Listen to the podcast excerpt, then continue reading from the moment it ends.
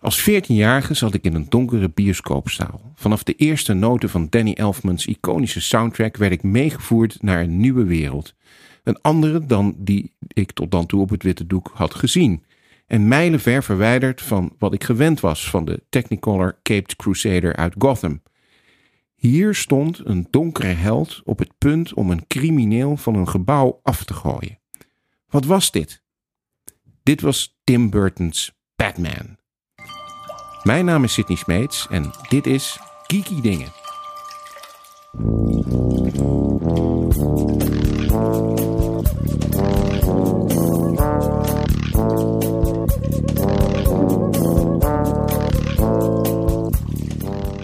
Mijn naam is Linda Duits en als ik een Tim Burton karakter zou zijn, dan was ik Batman. Nee hoor, niet echt.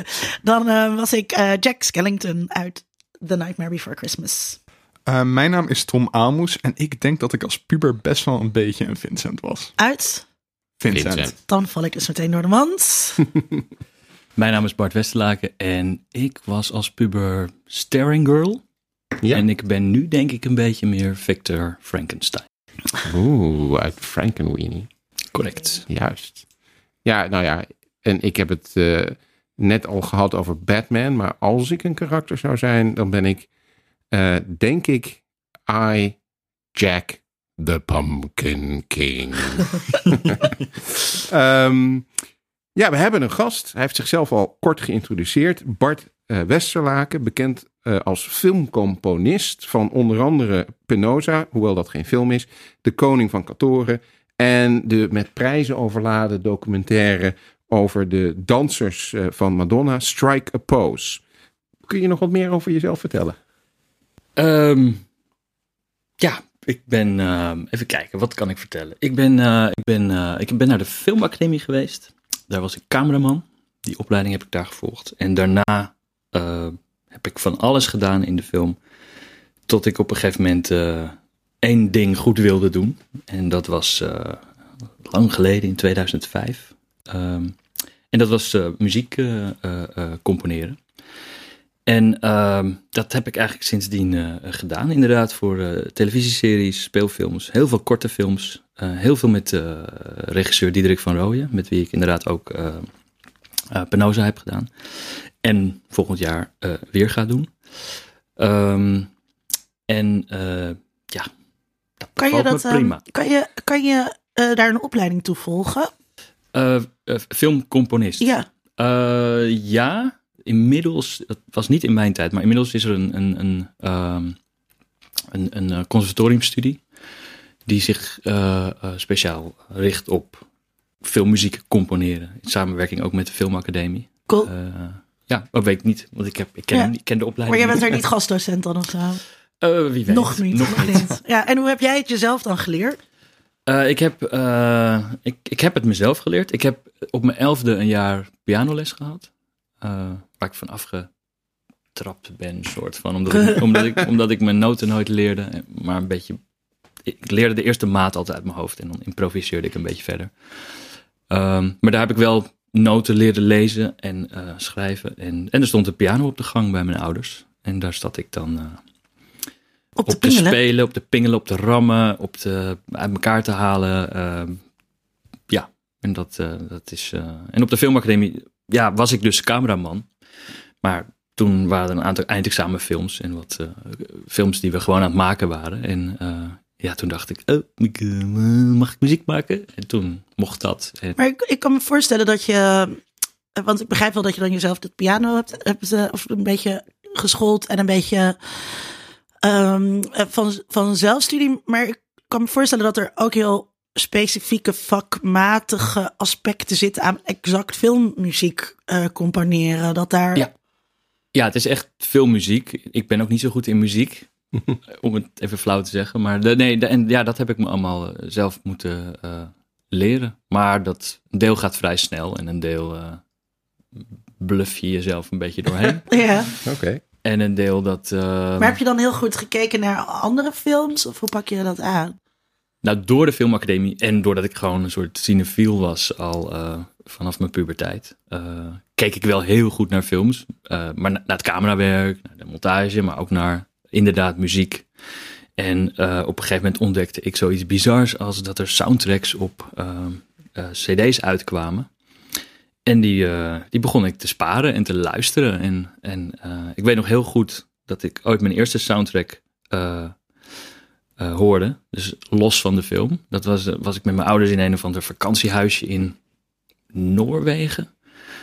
Zo'n soort Airbnb van La Lettre. En eh, daar lag, dat was dus het huis van iemand. En daar lag een cassettebandje met de soundtrack van The Godfather 3. Mhm. En daarvoor had ik van, ja, meer eh, die smaak die iedereen in de klas had. Queen, eh Guns N' Roses, dat, dat soort dingen. En dit was iets heel anders. Maar ik stopte, ik, als ik dat luisterde, dan, ik had die film nooit gezien overigens toen. Ehm, als ik dat luisterde, dan, dan zat ik in een film en ik zag auto's aanrijden en maffia. En, en, en ik wist een beetje waar het over ging. Heel die film die speelde zich af door die filmmuziek. En dat vond ik zoiets gaafs. En toen ben ik een beetje, ja, eh, filmmuziek gaan verzamelen Ja. en gaan luisteren. En viel het me ook steeds vaker op hoe dat eh, eh, werkte in, in films. En is dat dan voor een, eh, daar was ik heel benieuwd naar. kijk, als een, een film heeft een verhaal, je vertelt het al, hè, de, de filmmuziek kan dat verhaal eh, eh, vertellen. De documentaire heeft ook een verhaal, maar, maar toch op een hele andere manier. En zeker als het een documentaire is die ook nog eens over gedeeltelijk de muziek van iemand gaat, is Mhm. het dan niet extra moeilijk, kan ik me zo voorstellen, om daar muziek bij te maken? Stri- Strike a Pose. Strike a Pose, over? Ja, ja. Ehm, ja en nee. De, de, de, ja, ze, de, de, het begint bij de regisseur. Die Mhm. heeft eh, in dit geval regisseurs. eh, ehm, eh, Esther Gould en Rijer Zwaan. Die hadden daar een visie over. Namelijk dat er zeker veel Madonna muziek in moest. Af en toe misschien muziek uit die tijd. Maar dan komen er dingen kijken als... Hou je dat wel vol? Wil je die film maken? En een heel, hele, hele flauwe, maar eh, om een hele film vol met Madonna muziek te stoppen, dat is eh, niet eh, te betalen. Nou ja, je moet natuurlijk de rechten betalen. Dus dat is allemaal heel erg. Ja, dat is niet mijn specialiteit. Mhm. Daar zijn weer andere mensen voor. Maar dan mag je 30 seconden gebruiken. Ja. Maar dan niet met het beeld. En als het beeld er dan wel onder zit, dan is het weer korter. En, ehm, en dat was ook, het moest ook geen Madonna-film worden. Het ging echt over die dansers. Mhm. En die hadden een soort. Tenminste, de regisseurs wilden dat een soort. eh, ja, diepte meegeven. Dus dat dat. dat dus ontstond twee lijnen naast elkaar. Dus echt de Madonna, Madonna muziek. eh, en de- de jaren 80, 90 muziek. En, en hele andere muziek. En omdat ik eh, eh, niet bekend sta om mijn Madonna hits, eh, ja, was het eigenlijk. Anders zat je hier niet. Nee, exact. Nee, nee, er moest, er moest echt duidelijk twee muziekstijlen. Dat je of bij de reuring van, de, van die tijd zit, of in de hoofden van die mannen. En ja, daar kwam ik erbij. En is het dan altijd, je, je, je, hoe, waar- in welke fase word jij er dan bij betrokken? Want ik neem aan dat je de muziek maakt op de afgemonteerde versie. verschilt heel veel. Ehm, dit was een documentaire, was maar ook mijn eerste lange documentaire. Eh, en bij documentaires is, wordt er in de montage ontstaat nog heel veel door dingen weg te laten, dingen om te draaien. En dat is bij fictie, want ik gewend was, is dat veel minder. Want daar heb je natuurlijk een scenario Ja. wat vrij strak in elkaar zit. Ja. Ehm, dus dan krijg, eh, bij, bij fictie is meestal, eh, als de film op slot zit, zoals dat heet, in de montage, dan ben ik er. En dan krijg ik die versie en dan is alles af, behalve de geluidsmix en de muziek. Ehm, ik probeer wel altijd zo vroeg mogelijk erbij te zitten om met de regisseur te kunnen praten, om een keer naar de set te kunnen als, het een, als dat eh, handig is. Ehm, hier was ik vrij vroeg bij betrokken.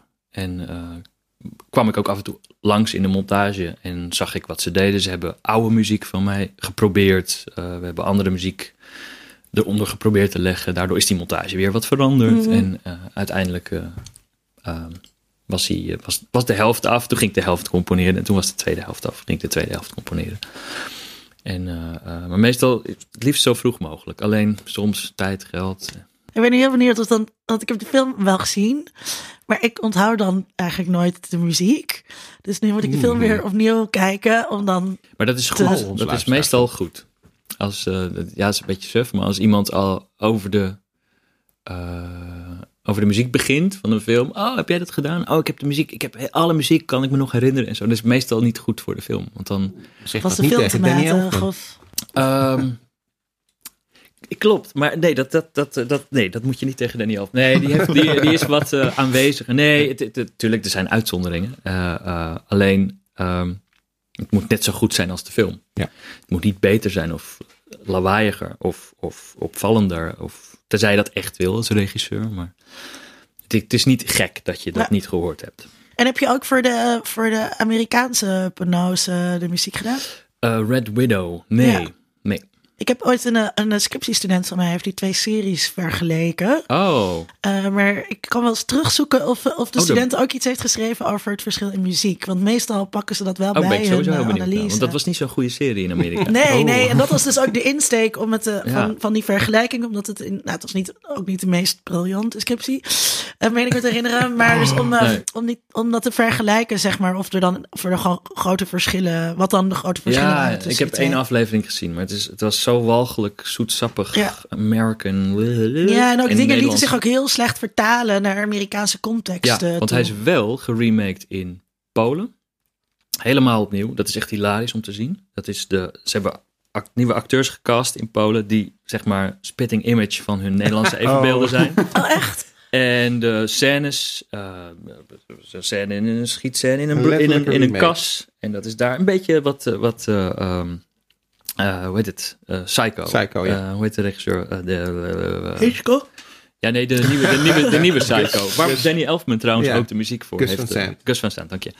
Ehm, nee, dat is één op één. Dat is heel grappig. Maar het enige wat, ze, eh, wat het wel makkelijk was, de muziek was er al. Echt, ik had iets van 400 tracks al gemaakt voor de Nederlandse serie. En die zijn gewoon naar Polen gestuurd. Die hebben ze eronder geknipt.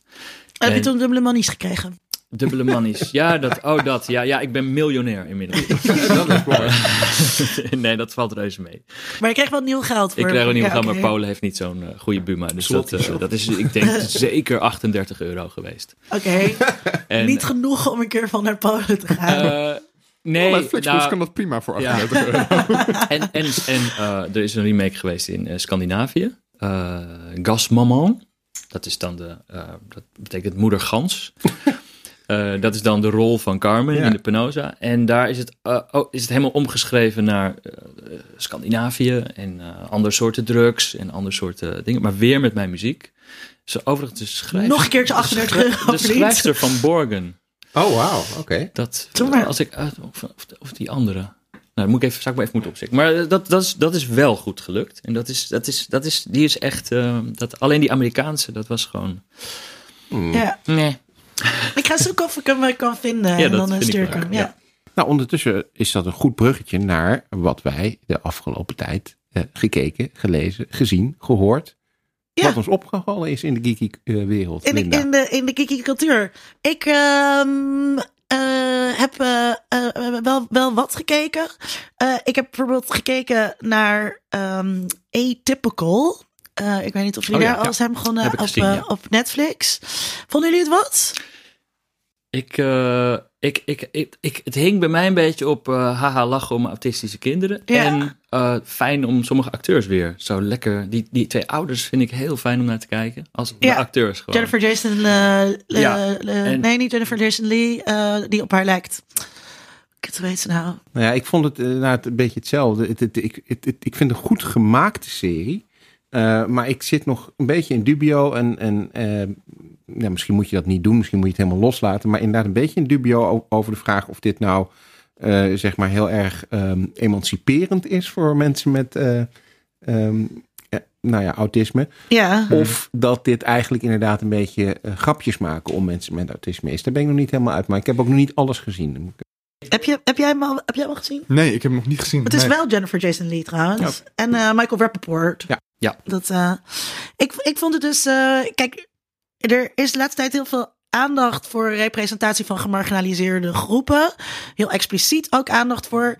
Netflix zet daar ook ehm, echt eh, moedwillig op in. Mhm. Omdat ze weten dat je aan dat soort eh, eh, niche-publieken extra geld kunt verdienen. En hier had ik dus een beetje het gevoel van: dit is de plichtmatige sluiter in de hekkerij van de intersectionaliteit. Hè. Intersectionaliteit stelt dat we moeten, moeten kijken naar gender en ras en klasse en al die andere assen van ongelijkheid. En dan wordt er altijd ook nog gezegd validiteit. Hè? Dus dat je ook Mhm. eh, ehm, eh, rekening moet houden met mensen met een beperking. En dat vond ik dit een beetje. Echt zo van, oh ja, we moeten iets doen over mensen met een stoornis. Oh, laten we dan autisme doen. En eh, dan, dan komt dit eruit. En dan is het de autist, die kan dan toch een vriendinnetje. En ik vond het allemaal heel, stere ik vond het heel stereotyp, het zijn autisme, zeg maar. En ook hoe daarmee omgegaan werd. Een beetje zoals... ehm eh, Corky in, eh, Ja, ja, ja. in eh, weet je, hoe Life, heet het? life goes on. Life goes on. Ja. Dat, dat gevoel krijg ik ook een beetje van. Ook dat gezin en hoe dat dan, hoe dat met die zus en hoe dat dan in elkaar zat. Eh, maar ik heb toch twee seizoenen gekeken. Eh, eh, want je moet wat. En ik heb eh, seizoen 2 van The Sinner gekeken. Ja, ja. En eh The Sinner eh, vond ik eh, seizoen 1 ook best wel intrigerend. Toch een serie die niet heel hoog op de radar zat, maar wel echt goed was. Eh, en deze begon echt eh, super spannend. En Ja. verder zeg ik er dan maar weinig over. Ja, nee, ik, ik zit in aflevering cliffhanger. 3 van seizoen 1 nu. Dus, ah, eh, oké, oké. Nou, seizoen ja. 1 is wel behoorlijk goed, vond ik. Ja, ik vond seizoen 2. Nou ja, misschien Dat, moet- eh, moeten, we daar, moeten we daar nog maar even mee wachten. Eh, maar eh, ik, eh, ik kan zeker aanraden om dat, eh, om dat aan te zetten en eh, je erin mee te laten zuigen. Mm, nice. Nou, ik heb eh, een aantal dingen gedaan. Eh, ik heb de Tim Burton tentoonstelling bezocht, maar daar gaan we vast straks nog wel over praten. Ehm, ik heb een eh, documentaire gekeken eh, die eh, speciaal vanwege het eh 100-jarig ehm, jubileum, of hoe je het wil noemen, herdenking van eh, het einde van de Eerste Wereldoorlog is gemaakt. Eh, je weet wel, die herdenking waar de Amerikaanse president niet naartoe wilde omdat het regende. Ehm, en eh, is ook vervelend, is ook als je zulk haar als je hebt. Ja. wordt. Ja, dat is toch niks. En ehm, Peter Jackson, die we allemaal kennen van The Lord of the Rings, et cetera. Die heeft ehm, een fascinatie met de Eerste Wereldoorlog. Dat, dat wist ik al wel. Ik ben in zijn museum in Nieuw-Zeeland eh, geweest. Hij heeft een eigen Eerste Wereldoorlog museum. Waar hij dus een heel groot deel van zijn eigen persoonlijke Eerste Wereldoorlog collectie heeft ondergebracht. Die man heeft dus ook gewoon vliegtuigen uit de Eerste Wereldoorlog, tanks uit de Eerste Dus Wereldoorlog. daar zijn ze miljoenen van de Lord of the Rings heen Ja, gegaan. absoluut, absoluut. En hij heeft die Eerste Wereldoorlog vliegtuigen, daar maakt hij ook eh, eh, vluchten mee. En dan kan je ook, eh, als, als je een vriend of bekende bent van Peter Jackson, kun je dus met die vliegtuigen vliegen. En ze hebben in het nu, speciale Nationale Museum van Nieuw-Zeeland, Te Papa, hebben ze een hele mooie tentoonstelling gemaakt over de Anzac-troepen. Dus dat zijn de eh, eh, Australische en Nieuw-Zeelandse troepen die in de Eerste Wereldoorlog hebben gevochten. En daar hebben ze beelden gemaakt van drie, vier meter groot. En wacht even voor Anzac. Ja, Australian New Zealand Corps, volgens mij. Army Corps staat het Oké. voor. Ehm, en eh, nou ja, die beelden die zijn dus gemaakt door Weta Workshop. Dat is het eh, bedrijf van Peter Jackson, die ook die special effects voor al die films hebben gemaakt. Ehm, onder andere een Nederlandse make-up artiest, eh, Jacqueline Maquet, heeft daar aan meegewerkt. En ehm, dat is prachtig. Dat is levensecht, maar dan vier meter hoog. Die fascinatie die heeft hij nu gestort in deze documentaire. En wat hij gedaan heeft, is eigenlijk de beelden die we wel vaker gezien hebben. Die beetje snel, houterig bewegende zwart-wit beelden van de Eerste Wereldoorlog. Die heeft hij gerestaureerd, eh, eh, op het, de juiste snelheid gezet en ingekleurd. En dat is best wel spectaculair. Mijn hele Twitter-timeline Ja. zat die avond niet vergeten te kijken, niet Ja, vergeten ja. te kijken. En was het, was het wat je verwachtte? Deels wel, deels niet. Eh, het is zeker spectaculair. Bijvoorbeeld ook liplezers ingehuurd om, om te reconstrueren wat die mensen zeggen daar. Oh, op wow. die beelden. Ja, dat is echt wel grappig. Ehm, het is alleen. Nou ja, tegenvallen is niet helemaal het juiste woord. Eh, ik had eigenlijk verwacht dat de hele documentaire ingekleurde beelden zouden zijn. Maar dat is niet zo. Dat zou, Eh, dat zou nee. ook wel echt heel duur worden. Omdat maar dat was waarom iedereen zei dat je er... Nou ja, dat had Ja. ik ook wel verwacht. Nee, nee er is een, ze doen het op zich wel goed hoor. Ze, ze, ze, ze, ze veden je langzaam in naar de gekleurde beelden. Maar het begin en het einde zijn gewoon weer zwart-wit eh, beelden. Maar goed, desalniettemin. En Zeker, wat, wat, doet eh, dat, eh, wat doet dat met je? Want eh, eh, Het- de gekleurde beelden zijn veel. Ja, dit- dat is dus heel raar, want het is, dat is een gebrek aan fantasie van mijn kant waarschijnlijk. Maar die zijn veel echter.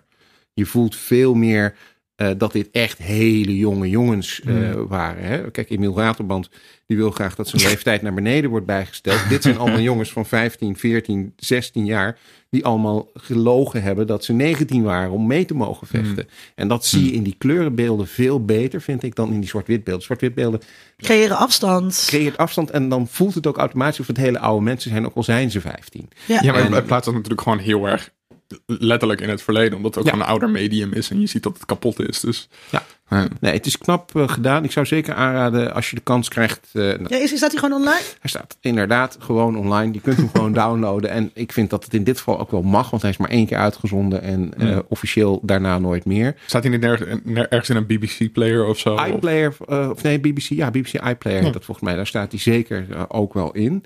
Ehm, dus dat is een tip. En verder heb ik eh, gelezen het. eh, Oh, ik eet echt een heel zoet snoepje. Oh, dat vind ik Ja, helemaal ja. niet lekker. nou ja. Sorry, Ehm, luisteraars. borrelnoot, snel. Over, over zoete snoepjes eh, gesproken. ehm, er is een making of, een behind the scenes boek gemaakt over Stranger Things. En dat is sowieso, vind ik, een leuke serie. En dat boek is goed omdat het er heel erg uitziet als een boek uit de jaren tachtig. Wat je in een tweedehands winkel hebt eh, gekocht. Ze hebben dat helemaal Oh. gestyled eh, zoals dat bij de serie past. Een retro. Heel retro. ehm, en wat wel leuk is, er zitten allemaal eh, nou ja, dingetjes in die je niet weet eh, over de serie. Zoals bijvoorbeeld dat de Duffer Brothers, dat zijn de twee mannen die die serie hebben, hebben gemaakt, geïnspireerd zijn geraakt om films eh, en series te gaan maken door Tim Burton. Oh. Dun, Bruggetje. Ja. Tom, eh, wat heb jij? eh?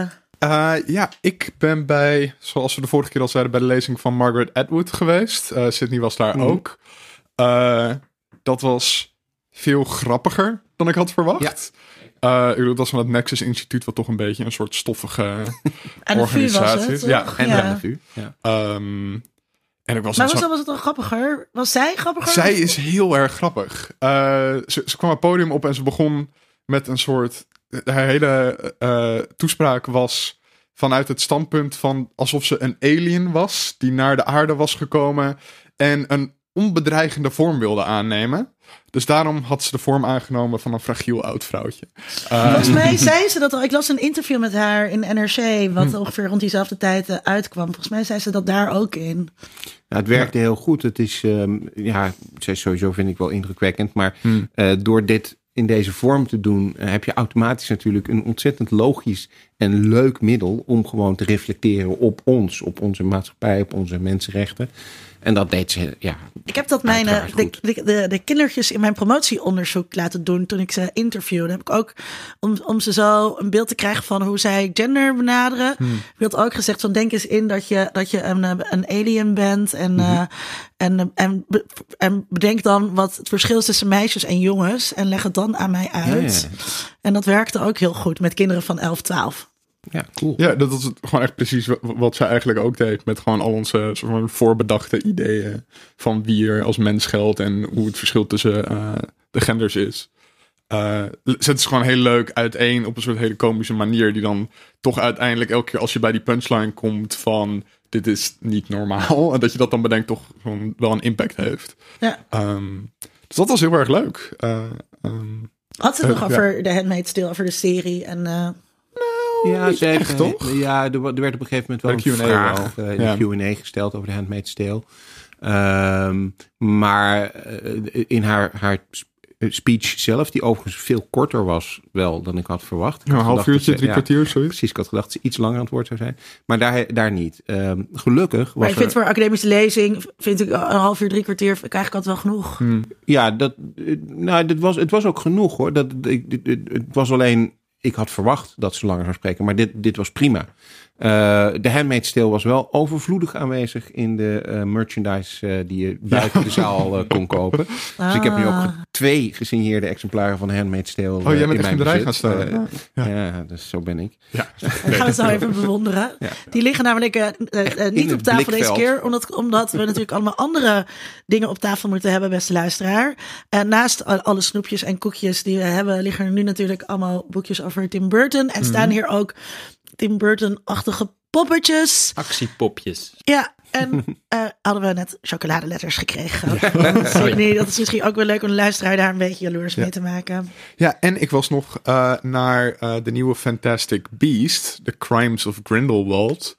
Ehm, en zonder hem te spoilen, eh, kan ik gewoon heel kort zeggen dat ik hem echt heel slecht vond. gewoon echt Oh jee. om te janken. Eh, het, het, het was gewoon. Het plot was niet bestaand. Er gebeurden onverklaarbare dingen. Ehm, allemaal referenties naar dingen uit de rest van de serie die niks bijdroegen aan het verhaal verder. Ehm, dat er Fantastic Beasts in zaten was volgens mij echt alleen maar omdat de titel was van Mhm. de film. Ook geen, geen rol verder in het plot. Ja, ik, ik, ik vond hem niet. Ja. Ik kan hem niet aanraden. Nee, Ik maar hem ik ben dat met je eens. Ik heb hem ook gezien. Eh, ik, eh, ik vond hem niet helemaal zo slecht als, als Tom, maar ik ben snel tevreden. Eh, eh, ehm, maar het is zeker zo, er zit, er, zitten, er zit te veel verhaal in op momenten waarbij het niet nodig is en te weinig verhaal in op momenten waarbij het wel nodig zou Hmm. zijn. Want er komen allerlei dingen opeens uit de lucht vallen, terwijl je daarvoor net hebt zitten denken van ja, nu weet ik het wel, want nu heb ik zoveel gehoord over het andere. Ehm, en wat ik wel echt onvergeeflijk vind, eh, we zullen hem niet spoilen, maar eh, we hebben het heel erg eh, vaak gehad al over Dumbledore en ehm, Ja. Grindelwald. De manier waarop dat in deze film moet, wordt gedaan, daar verdient Rowling wat mij betreft een zeer, zeer dikke onvoldoende voor. Ja, echt. Dat, ja. Maar goed, laten we het daar Ja, niet te lang nee. over Ik hebben. ben zo benieuwd. Ik ben zo benieuwd.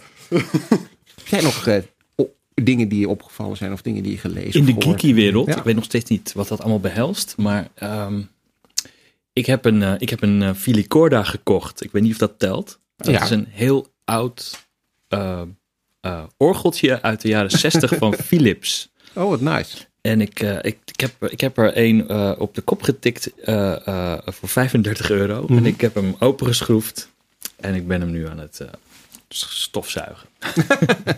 Maar is dat ook kan soort, zo'n soort is, orgeltje als, eh, als wat je in eh, de muziek van de Doors hoort? Ja, zoiets is het, ja.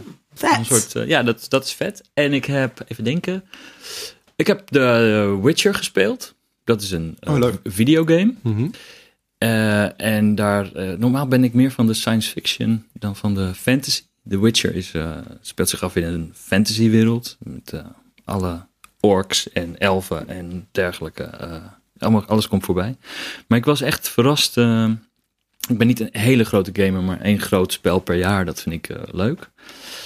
Ehm, ja, ik was echt verrast door de sfeer en de muziek en de karakters en de dialogen.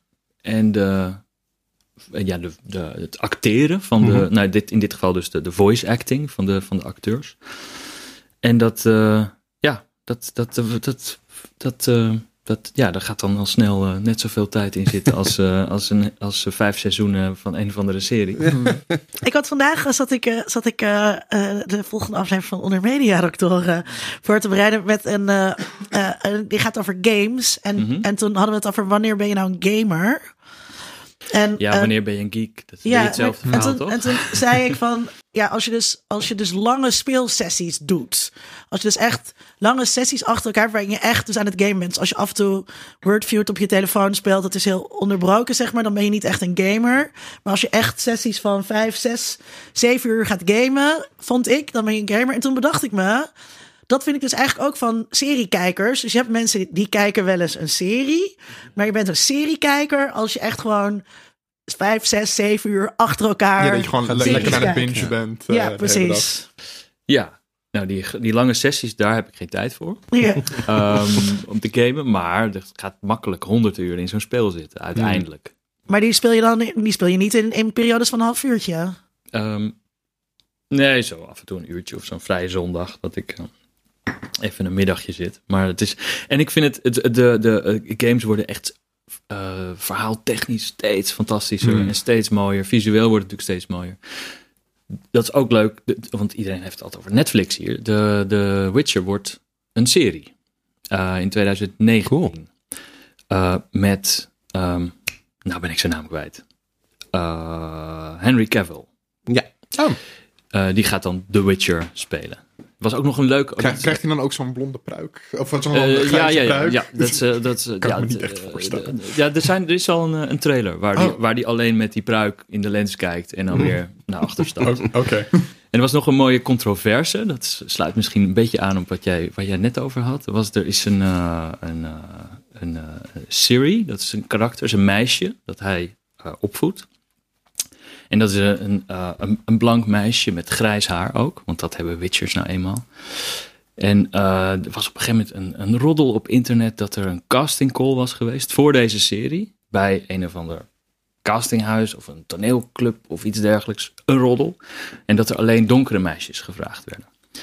En eh, nou, dan ontploft internet natuurlijk. Ja. Dit Want heb ik Siri meegekregen, is ja. een blank meisje. Ja, En ik, Ninekerkers waren hier boos over. en ik, en ik, vond, het, ik vond het op zich wel. eh, ik, ik, ik aanschouw dat. ik vind het altijd heel grappig. Dat dat, dat, dat zo'n. Alleen dit was precies andersom. Dit was bijna.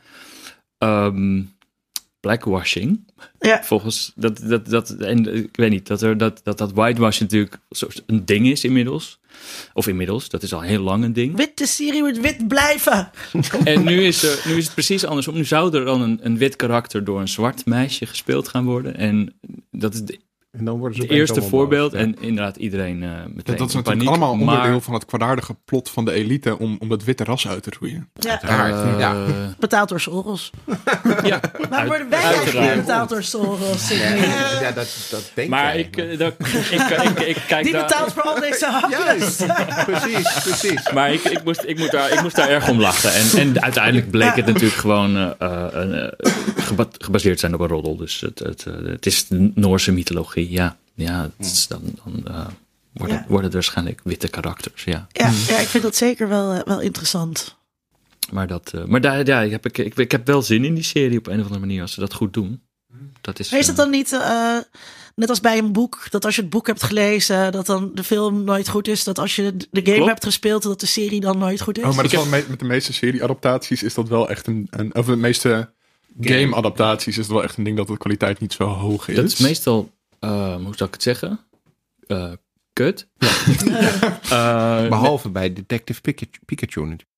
Oh, Toch? ja, daar daar kunnen we het aan het einde nog wel even over hebben. niet, de game niet gespeeld en ook niet gezien. Dus dat, dat weet ik niet. Nee, meestal is het inderdaad is het, is het niet best. Eh, eh, alleen, dit, ja, dit- ik weet niet. Dit, dit, dit, eh, dit is heel erg Lord of the Ringy. Heel Hmm. erg fantasy. En eh, als ze daar een beetje geld tegenaan smijten, dan... we gaan, ik, ga, ik ga het afwachten. Ik ben altijd... Ik moet het eerst even zien. En dan, Klinkt als iets dat, eh, dat, eh, dat wij geeks leuk vinden. Ja. Ja. Dat denk ik ook, ja. Dat, eh, What's this? What's this? There's color everywhere. What's this? There's white things in the air. What's this? I can't believe my eyes. I must be dreaming. Wake up, Jack. This isn't fair. What's this? Sydney, mag ik een gedichtje voorlezen? Tuurlijk. Eh, want eh, er ligt hier eh, het boek op tafel, The Melancholy Death of Oyster Boy and Other Stories van Tim Burton. En ehm, ik vind het, het dit, dit de eerste gedicht dat niet heel lang is, vrees niet, best luisteraar, eh, vind ik heel erg, het roept heel erg meteen Tim Burton acht, Tim Burton of Tim Burton-achtige beelden op. Het heet Stickboy and Matchgirl in Love. Stickboy liked Matchgirl. He liked her a lot. He liked her cute figure. He thought she was hot. But could a flame ever burn for a match and a stick? It did quite literally. He burned up pretty quick. He burned up pretty. He burned up Pretty pretty, quick. quick. He burned up pretty quick. Ja, dat eh, boekje eh, The Melancholy Death of Oyster Boy. ehm, eh, voor degenen die het niet kennen of niet gelezen hebben. eh, het zijn gedichten van Tim Burton met illustraties van Tim Burton. Tim Burton Echt prachtig. Ja, te- ik ben naar die tentoonstelling eh, geweest in Genk. Ehm, ja, die is tegen de tijd dat mensen luisteren er niet meer. Maar goed, die zal vast nog wel weer ergens anders komen. Ga erheen. Eh, deze, ja, ik, ik ben sowieso wel een Tim Burton fan. Maar eh, ik, zijn stijl van tekenen is super cool. Het is exact wat, wat je verwacht bij de stijl van tekenen van Tim Burton. ja, klopt, klopt. Er zijn, eh, ehm, eh, hij, hij doet het ook overal. Eh, er is bijvoorbeeld ook een boekje uitgebracht dat heet The Napkin Art of Tim Burton. Ja. Waar hij dus allemaal in hotels en, en in cafés, als hij even niks te doen heeft, op, op gewoon servetjes tekeningen heeft eh, gemaakt. En het is allemaal cool. En in die tentoonstelling komen we straks wel te spreken over de verschillende films van Tim Burton. Maar daar zitten dus ook van alle films die hij gemaakt heeft, een aantal artwork dingen eh, bij. En dat is gewoon Ja. heel gaaf. Het is super gaaf bijvoorbeeld om te zien het artwork wat hij gemaakt heeft voor de Superman film die nooit tot stand is gekomen. En Cindy, als jij erover begint te praten, je ogen beginnen helemaal te glimmen. Mhm. Waarom eh, ben je zo'n Tim Burton fan? Nou, wat ik mooi vind aan de films van Tim Burton is dat je bij alle films van Tim Burton eigenlijk meteen doorhebt dat het een Tim Burton film is. Hij weet, Ja. Ook al zijn het echt wel verschillende films. Het is, het is niet zo dat hij alleen maar dezelfde film opnieuw maakt, maar eh, er is iets in zijn stijl wat je meteen herkent. Eh, en dat zit hem denk ik in eh, niet alleen het visuele, dat is er zeker ook, maar ook wel in de thematiek en in de melancholie die er vaak in zit. Ja. Ehm, en ja, dat maakt dat zelfs zijn slechtere films, want ik bedoel, kan er eerlijk over zijn dat niet alles wat hij heeft gemaakt even goed is, maar zelfs zijn slechtere films zijn interessant om te kijken, gewoonweg omdat er die Tim Burton saus overheen zit. Ja, Jim, of, eh, Tom, ben jij? Saus. Ehm, ik- ik, ik vind zijn films leuk, maar ik zou mezelf niet een uitgesproken fan eh, noemen. Ik, ik heb ook niet al zijn films gezien. Ik heb gewoon door de jaren hier en daar een film gezien. En ik vind zijn soort van aesthetic die hij gaande heeft best wel eh, vet. Mhm. Ehm, ook inderdaad wat jij zegt, heel herkenbaar. Het is ook gewoon gelijk die feel waar je in komt. Dat is vooral met zijn animatie en stop-motion dingen. eh, maar ook gewoon met speelfilms. eh, dat het een beetje het... het ik, ik zat er gewoon te denken, het is een soort van... ehm, heel vaak wordt er over hem geschreven dat hij Duits expressionisme heel erg zijn inspiratie daarvan aanhaalt. Maar ik heb het idee dat hij dat dan combineert met een soort Dr. Seuss-achtig Mhm, ding. ja. Dus het is aan de ene kant heel erg horror en duister en melancholie. En aan de andere kant heel cutesy. En dat ik gewoon niemand anders combineert dat op die manier. Eh, en dat vind ik wel heel, erg- heel erg vet. Ja, dat is wel. ge- eh, De film die jij noemde aan het begin van de uitzending, Vincent, is, Hmm. is, is daar de. Nou ja, zijn eerste film in, maar ook misschien wel zijn beste film in. Want dat combineert die dingen heel goed.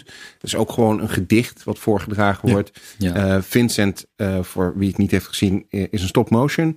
Gaat over een jongetje, gewoon een normaal jongetje. Maar dit jongetje denkt dat hij Vincent Price is. En Vincent Price is een horroracteur. Een het groot, zijn, ja. groot de- van, eh, van Tim Burton. Dus hij doet ook de voice-over. Ja, eh, en, van en inderdaad, dat is het mooiste van eigenlijk het, het hele filmpje. Dat Vincent Price zelf die voice-over doet. Ehm, en ja, al die elementen die je later tegenkomt in Burton, die zitten daar al wel. Hij was wel in. heel, heel erg fan van, eh, van Vincent Price Ja. in die oude Hammer eh, films. Toen heeft hij eerst de animatie gemaakt. En toen heeft hij het opgestuurd naar Vincent Price. Mhm. En toen verwachtte hij eigenlijk van, ja, ja, whatever. Mhm. Leuk. Maar toen was Vincent Price, die was 71 volgens mij toen Ja. al. En die heeft, eh, en die was heel enthousiast. En die zei, prachtig. En toen, ja, toen, hebben ze, toen heeft hij aangeboden om het inderdaad eh, het gedicht eh, in te spreken. En dat is, eh, het is heel kort en bevat eigenlijk al alle elementjes Ja. die je later in, in alle films terug gaat zien. Hmm. Vincent Price zie je uiteraard ook nog terug Ja, in, een- in latere films. Ja, Tim Burton is wel trouw hè, aan zijn. aan Het zijn is belachelijk. Ik, ik, heb, ik heb weer wat films terug zitten kijken en het, het, het- de lijst, je, je, als je een lijst zou willen maken, dan word je helemaal gek. Want het is eh, van de kleinste rolletjes tot, eh, tot, de, tot de grote acteurs. Johnny Depp is natuurlijk het belangrijkste Mhm. eh, voorbeeld, maar dat is, dat is zeker niet het enige voorbeeld. Al vanaf, nou echt letterlijk vanaf Vincent, komen die namen, al die acteurs, die blijven maar terugkomen. Ja, en, en, Maar bij heel veel ook dat ik, dat ik, eh, ik begon met, eh, ik was begonnen met Beetlejuice eh, weer Mhm. opnieuw Ja. kijken. komt En toen dacht ik, Oh? oh echt? Ja.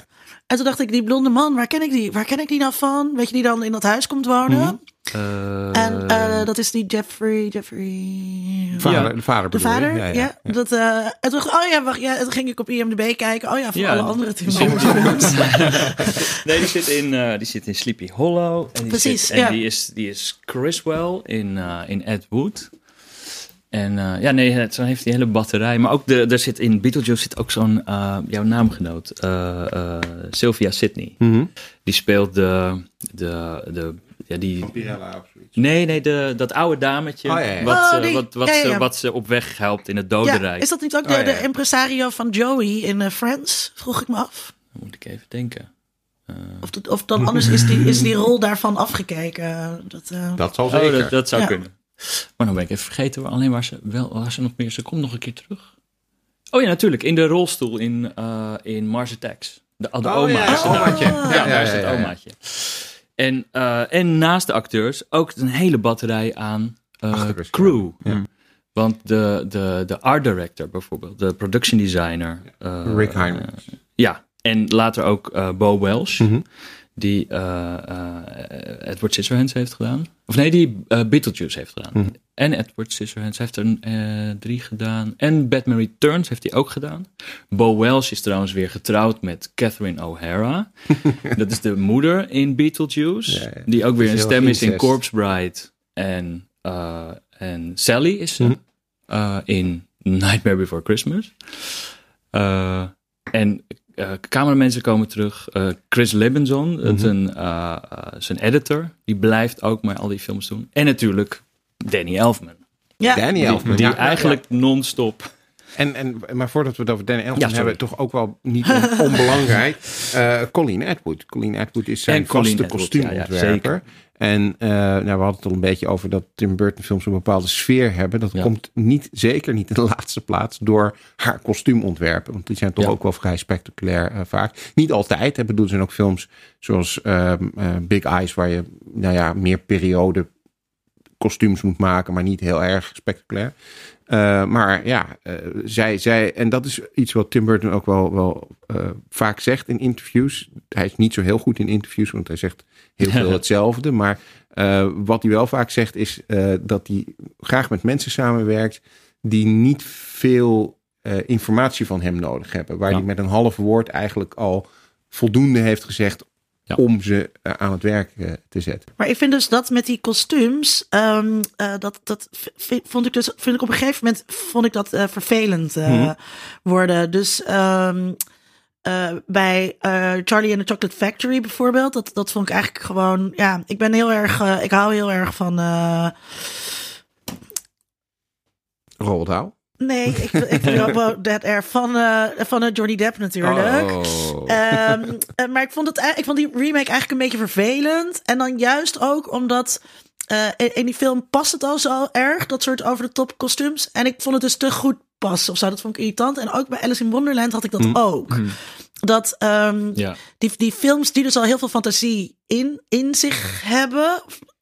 Ja, daar vond ik het dus te overdreven bij worden of zo. Mhm. Snappen jullie wat ik bedoel? Ja, dat het een soort van ge- ge- ge- Ja. turbo-fantasie is. En raar, omdat, omdat ik bedoel, de originele Charlie and the Chocolate Factory heeft al een hele eigen ding met gekke, ja, Roald Dahl-achtige eh, Ja, constructies. Roald Dahl en, en Roald Dahl Tim Burton gaan niet goed samen. Die film trouwens, ja, de dat begrijp de ik. originele.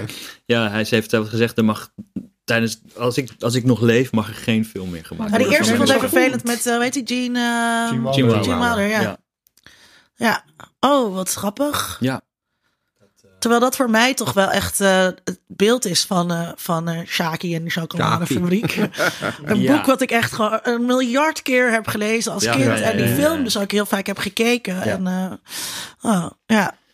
Nee, Maar inderdaad, eh, eh, ja, die, die hyper. Het is bijna een soort hyperrealiteit. Maar het is niet eens realiteit. Hy- Hyper, hyper surrealisme. Ik weet niet hoe je het moet Ja. noemen. Wat er in die films. eh, in Maar die dat, films maar dat werkt dus voor mij het beste als het gedoseerd is. Dus Mhm. eh, eh, Edward Scissorhands vind ik echt te gek. Mhm. Omdat dan heb je. Edward en de rest is gewoon Suburbia. Ja. ja. En dat past dan dus heel goed. Dus die absurditeit werkt voor mij heel goed als er ook een vorm van normaliteit is. Of ehm, in eh, eh, The Corpse Bride, wat ook heel fantastisch is. eh, dan, dan heb je dat, dat natuurlijk met, die, met, de, met de doden. Maar voor de rest is het gewoon een liefdesverhaal. Verhaal, ja. Ja. ja. Ja, ja. Ja, en in Corpse Bride, wat, wat, wat wel leuk is, is ook dat die dode wereld veel levendiger is dan de eh, levende ja. wereld. Ja. Ik moest, eh, toen ik eh, de Pixar eh, film Coco, Coco, zag, ja. moest ik, Ik daar ook heel erg aan denken, ja. Aan, dat- aan dat- denken. ja, Dat ik ben is, niet, eh, dat is niet eh, geheel toevallig. Eh, Tim Burton is opgegroeid in Burbank. En ehm, in de omgeving waarin hij opgroeide was hij nou ja, een heel erg buitenbeentje. Eigenlijk alle Ja. hoofdfiguren in zijn films, dat is hij. Ehm, en eh, nou, zijn familie vond hem ook maar raar, want hij keek alleen maar naar monsterfilms. En hij ging op het, letterlijk op het kerkhof spelen. Zo, Zo'n jongetje was het dus. Ehm, Hij, hij was Victor uit. hij was gewoon Victor. En ehm, vervolgens eh, kwam hij ook heel erg in contact met de Mexicaanse gemeenschap in eh, Los Angeles. En eh, met name de Day of the Dead, waar ook Coco over gaat. En hij heeft Dia de los Muertes. Dia de las Muertes. En daar, dat heeft hij ook een paar keer al in interviews gezegd. Dat dat iets is wat hem heel erg geïnspireerd heeft. En wat hij ook heel, eh, heel, heel erg heeft meegenomen van het idee dat de dood niet eng is. Maar dat de dood ook heel vrolijk kan zijn. Ja. En dat de dood heel dicht bij het leven kan heel staan. grappig, want dat zie je al in, in zijn eerste eh, grote film, Pee-wee. Pee-wee's Big, Adventure. Ja. Dat is natuurlijk een blije ah, film. Ehm, maar daar zie je al dat, het, dat, dat in, in dat speelhuis van Pee-wee, daar zie je al skeletten Mhm. en, en eh, Day of the Dead-achtige vormen. Zie je gewoon dat dat het behang is. Maar hebben ze dan bij Coco niet een beetje Tim Burton-stijl gestolen? Dat weet ik niet. Het is, Dat- ja, geleend. Ik vind, ik vind Coco, ik, ik, hou, ik, ik ben helemaal niet van de Pixar en van de Disney en zo. Ik, en van de animatie van de laatste. Maar Coco vond ik echt fantastisch. Ja, Ja, ik vond alleen de titel goed. heel slecht gekozen. Ja. Eh, ja. Ik moest Oh. dus net ook even opzoeken welke hoe die ook film weer heet. hoe die ook weer heet. Omdat ik dus die Coco niet associeer met de... Oh, dat ik die Coco niet associeer met de, met het, met de film. Die, ja, dat, dat, Hm. dat vind ik niet passen of zo. Ja, nee, ik weet niet of ze het gekopie- gekopieerd hebben. Ik denk zeker dat je komt er denk ik niet omheen dat bijna alle eh, filmmakers en zeker als het gaat om animaties en stop motion geïnspireerd zullen zijn door Tim Burton. Ik bedoel, ja, eh, ik, ik denk dat, je, dat het niet raar is om te zeggen dat hij heel invloedrijk is geweest. Maar of Coco nou echt een kopie is van hem, dat weet Nee. ik niet. Dat weet ik niet.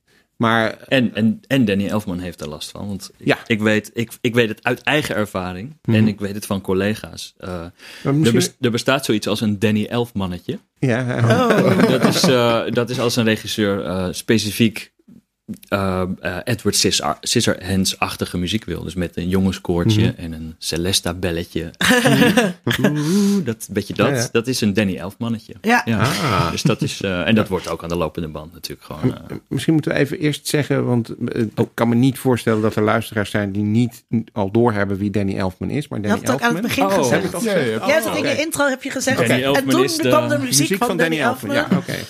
Ja. Maar Maar, eh, anders, eh, misschien moet je nog wat meer uitleggen. Of misschien kan Bart dat. Dat kan ik, ja. Ja. ik, ben, ik ben namelijk groot fan van, eh, ook van Danny Elfman. Wat toevallig dat je dat net in deze aflevering Ja. Nicky Dinges Het is is. zo goed eh, geresearched allemaal. Nee, ik, ik heb al zijn platen. Ehm, eh, nee, de, ze hebben dat, de, Danny Elfman is de nou, vaste componist van eh, eh, eh, Tim Burton. Vanaf, moet ik even denken, ik denk dat dat Pee-wee is. Eh, ja, want Vincent was nog iemand anders. Eh, vanaf Pee-wee's Big Adventure. Ze hebben twee films niet samen gedaan. Eh, Sweeney Todd, omdat dat een Stephen Sondheim eh, musical was en die muziek was er gewoon.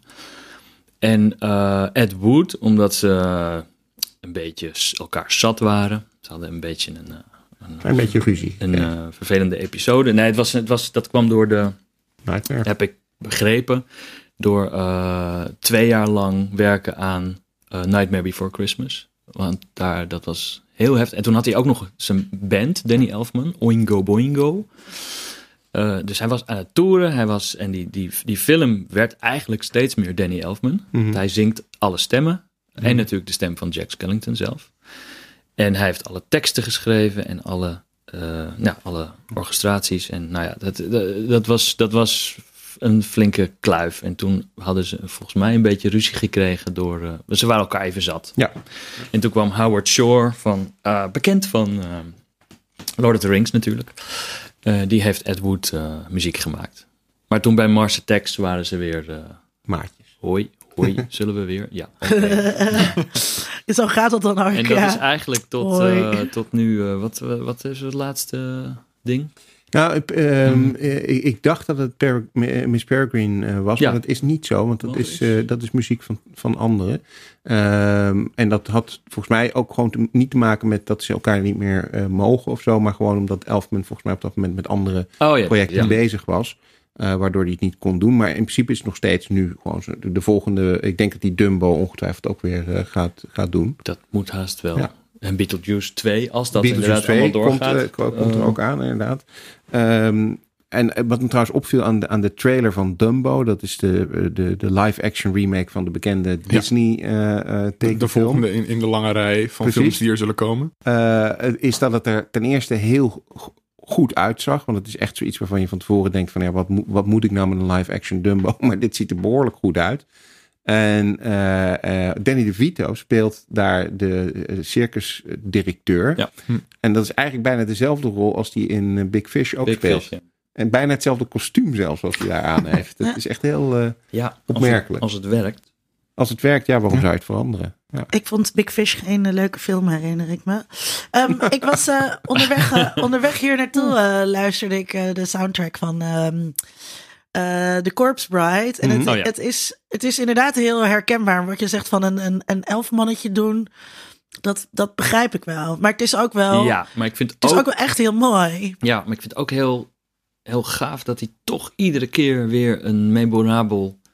Het is echt wel iedere keer wat anders. Alleen, hij houdt inderdaad van koortjes en van eh, eh, de sprookjes achter. Maar dat wordt ook wel een beetje afgedwongen natuurlijk door de Burton films. Ja. Ja, want Burton heeft ook gewoon elke keer die specifieke stijl. Waar Exact, dat- want Ja. Danny Elfman heeft past. ook eh, die heeft eh, zelfs eh, Terminator Salvation gedaan. En dat is echt wel hele andere muziek. En, Ja, ja. en, de, en, en Dolores Claiborne en, en, en eh, Sam Raimi, daar werkt hij heel veel mee samen. Spider-Man, eh, Simple Plan.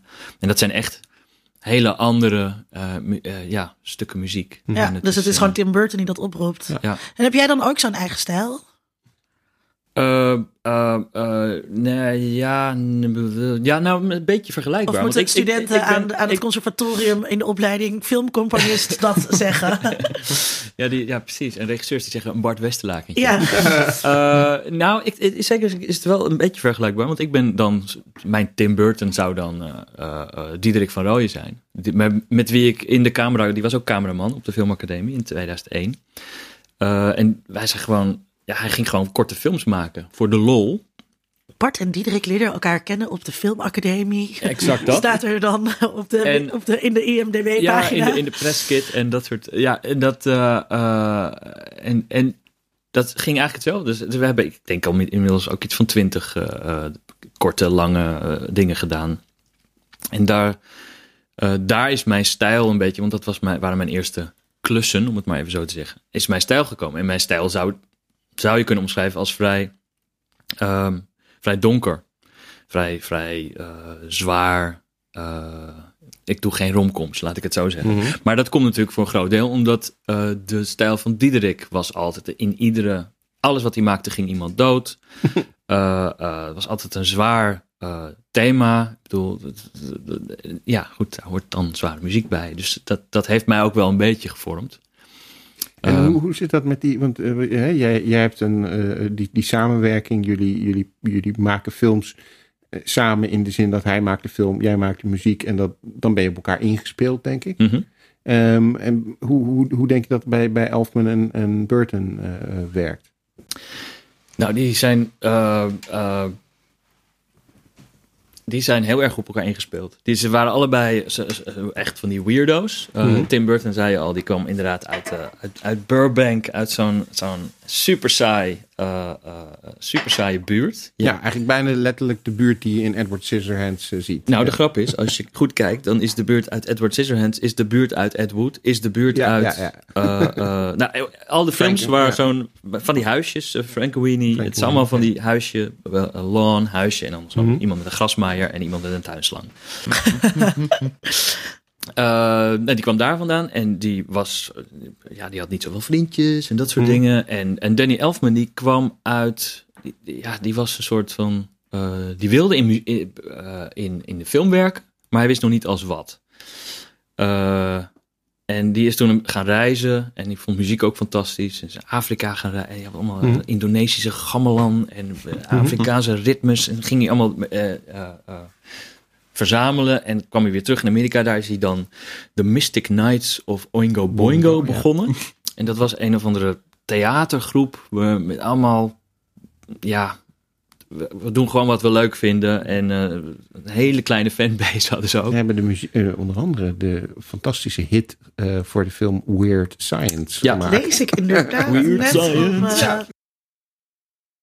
Wat, echt wel een goed hitje is Ja, dat. Ja, nee, dat was wel een grootste hit. Ja. Weird Maar dat was al, dat was toen, de, eh, de Mystic Knights was echt de, de, de toneelgroep. Dat was met heel veel toneel en, en eh, gedoe. Daar is, daar is één film eh, gemaakt. Dat was volgens mij het einde ook van die club. Dat was Forbidden Zone. Ehm, gemaakt door de broer van Danny Elfman. En dat was echt een hele rare film. Hele, kan niet eens navertellen. Nee. En toen is de band doorgegaan, Oingo Boingo. En dat was eigenlijk alleen echt letterlijk op een podium eh, eh, muziek maken. En, en daar kwam dan ook eh, Weird Science. En ik geloof dat er een hit gemaakt is voor Beverly Hills Cop 3. Ja, ze hebben een paar hitjes voor ja. films gemaakt. Ja. En dat, is, en dat heeft hij ook volgehouden tot inderdaad... ik ben heel slecht in jaartallen, maar The Nightmare Before Christmas. Mhm. En, ja, en die, Ja, kwamen en- elkaar, die kwamen elkaar tegen. Volgens mij was het was de volgorde dat eh, Paul Rubens, dat is Pee Wee Herman, die eh, mocht een film maken, want die had een, die had een soort idiote Ja, kinderserie. Playhouse. Ja, en die mocht ineens een grote speelfilm maken. Eh, en, die, en ze zochten een regisseur en, en die konden ze niet vinden. En toen zei er iemand van, nou dan Tim Burton, die was dan up and coming, omdat ze weer Vincent, hij had Vincent Mhm. gemaakt en Frankenweenie. Ja, en Hans en Gietje. Oh god, ja, dat, eh, dat bizarre eh, Ja. schooltoneel. Gaat, gaat allemaal meteen opzoeken op YouTube, luisteraars. Oh ja, Han- Hans, Hansel, Hansel en Gretel, ja, Ja. precies. Ja, ja, met een hele eh, Aziatische kast. Ja, dat is fantastisch. heel, eh, heel, eh, Grappig. En eh, ja, en die- toen was het Danny, of was het Tim Burton. En toen moest Tim Burton, die had eh componist nodig. En die, en die was naar de concerten geweest van Oingo Boingo. Dus die wilde wel eens weten wie die idioot was die al die rare muziek maakte. Maar die soundtrack van Pee-wee is ook wel behoorlijk spectaculair. Ja, dat is echt... eh, Dat is echt alles over Ja, en- alles. Ja, we- misschien kunnen we er een fragmentje van in, Hmm. in, in, in monteren. Maar dat is echt zeg maar meest over de top eh Ja. Pee-wee. Maar, ook- maar wel echt Pee-wee eh, muziek die je kunt, kunt bedenken. Echt, echt ja, fantastisch. ja, en heel knap, want het was, hij had dus altijd voor band geschreven, Danny Elfman. Mhm. Oh, dit- was echt zijn eerste film. Dit was zijn eerste grote film. Ehm, eh, en ja, volgens mij was het ook zijn eerste, dat hij voor het eerst een eh, gewoon orkest had wat Mhm. opgenomen Oh. werd. In een orkest, orkestzaal. Dus hij hoorde ook voor het eerst zijn muziek uitgevoerd worden. Nou, dat kan ik je vertellen. Dat is echt fantastisch. Als Ja, je dat voor het eerst ja. iets op papier klad en normaal komt het dan uit een piano en nu komt het ineens zitten daar allemaal mensen op je naar je te kijken en die moeten dan je muziek gaan spelen. Dus dat is super gaaf. En dat had hij daar bij die film. En eh, ja, en dat, dat werkte. En inderdaad, wat je zei, dat zeggen ze ook in die spaarzame interviews, eh, dat, dat ze inderdaad eigenlijk nauwelijks met elkaar hoeven te praten. Eh, het mooiste eh, verhaal van hun vind ik, denk ik. Ehm, dat is waar ik ook eh, de uitzending mee begon. eh, dat gaat over Batman. oh, ehm, dat verhaal, ja. Er is, eh, er- er- ja, op- zich het ontstaansverhaal van de film Batman is sowieso vrij interessant om, te, eh, om eens een keer op te zoeken. Ehm, en het is natuurlijk eigenlijk heel raar. Waarom vraag je Tim Burton om een Batman film eh, te maken? Achteraf. Waarom is dat raar? Nou ja, als je kijkt naar eh, The Dark Knight van eh, eh, Christopher Nolan, dat is, dat, is, dat is geen Tim Burton eh, film. Dat, dat is veel serieus. Nou ja, die kwam pas later. Donker- ja, nee, precies. Ja, maar er was ook nog geen... Maar, nee, maar, dus- maar, maar waarom was het dan? eh, want voor mij was, eh, waren die films de eerste introductie Absoluut, met, eh, met Batman. Ehm, eh, dus ik, ik ken, dat is mijn Batman. Ja. Maar waarom was het dan raar? Want er was niet eerder. Omdat het een. eh, nee, nee, dat klopt. Nou ja, we hadden natuurlijk de serie al eh, op de televisie gehad. Hè, de, de over de top. Eh, Boom. Pets Boom, inderdaad. Pauw. En, en Tim Burton, die ken, mensen kenden, je moet je voorstellen, mensen kenden Tim Burton van Pee-wee's Big Adventure. Dus dat is dus een, Ja. nou, het is niet een kinderfilm, maar het is En Beetlejuice. En Beetlejuice inderdaad. Eh, en, en, eh, en Michael Keaton, die ook in Beetlejuice speelde. Ik vind dat een die ken- afschuwelijke acteur. Ja, maar, en die, maar die, die Ja. werd dus gecast door Tim Burton als de nieuwe Batman. En daar- de- Oh. dat was zeg maar internet voordat het internet bestond. Daar waren allemaal fanboys ontzettend boos over. Want ze kenden hem alleen maar Ja. als een komische acteur. Uit Mr. Mom en uit Toen werd er dus niet boos getwitterd, maar dan werd Maar er gewoon letterlijk... boze Er kwamen ja. 20.000 boze brieven Ja. bij Warner Bros. eh, op de man. Ja, maar Maar- als je ook denkt aan Michael Keaton en ook als je hem ziet als Bruce Wayne, Ja. denk je niet, dit is een held of, eh, eh, of dit is een slikke playboy. of Nou, zo. daarom was, Want het, daarom het zo goed gedaan. Want De tekenfilm Batman was best wel een slikke. Of de, de serie eh, Batman was. Serie. maar de serie ook, Ja. de Pauw Pauw serie, Ja, was best wel een slikke eh, Batman. Ja. Eh, en inderdaad, West. Michael Keaton is niet echt eh, knap. Niet knap eh, en een beetje, beetje, beetje eh, ja, een clown eigenlijk. hè. Vieze Dat- mondje. Ja, Ja, dat vieze mondje onder dat, in dat, op bij dat pak. Maar Tim Burton wilde gewoon, die wilde, die dacht, de- wat, wat super, nu worden we ermee doodgegooid. Ik volg het allemaal niet meer, maar eh, met superheldenfilms. Maar toen was er alleen Ja. Superman Ja, als ja. voorbeeld. En Superman was dan die, die American hero. The en good guy. Rood, Ja. wit, wit, blauw en ta, ta, ta, ta, en de John Williams muziek. Heel licht, want hij vloog ook altijd door de lucht. licht, heel heroïsch. Ja. En eh, Batman moest wel een stukje donkerder, vond eh, Tim Burton. Nou, en hij, wil- ja, de, hoe heet het? De, er was volgens mij ook nog een, een soort debat tussen de.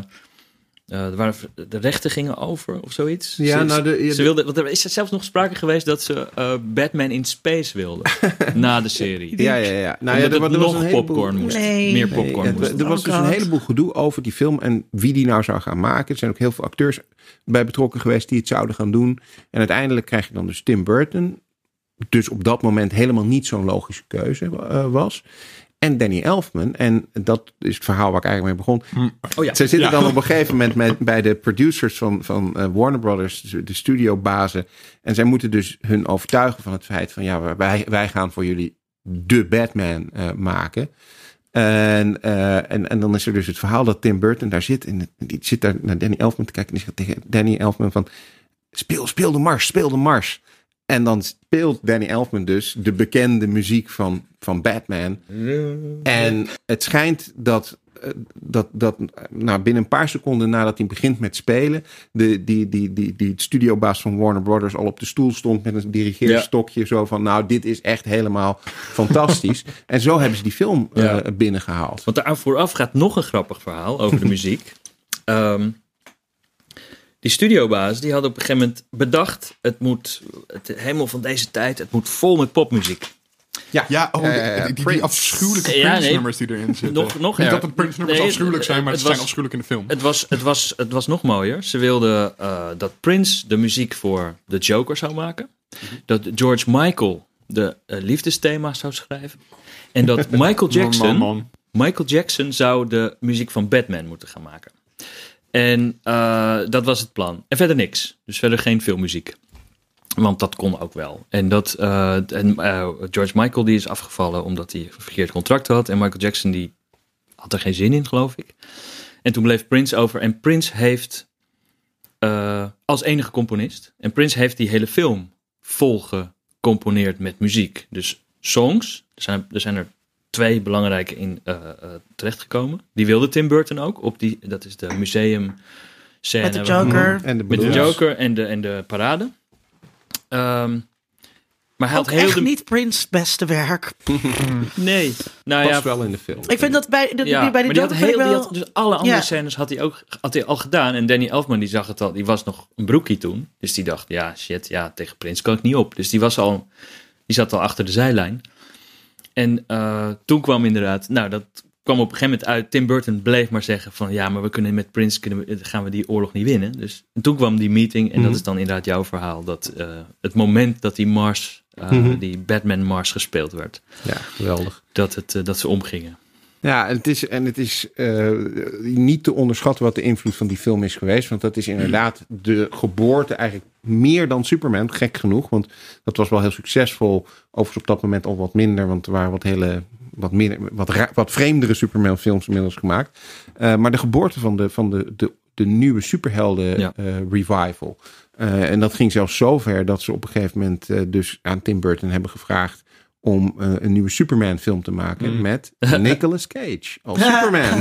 Oh, dat, dat, moet, dat moet je echt even op eh, Google Ja, eh, ja, opzoeken. Nicolas. Cage, er zijn, er zijn al foto's, Foto's van, van, ja. of er zijn foto's gemaakt van Ik- hem ik met vind dus lang een- haar, echt walgelijk. Oh dear. Het, is echt, het is echt niet oké. Ik vind dus eh, eh, eh, die Tim Burton eh, Batmans heel goed, ondanks, ondanks Michael Keaton. Omdat het dus ook, eh, omdat die twee, dus Batman past natuurlijk ook heel goed bij Tim Burton. Ja.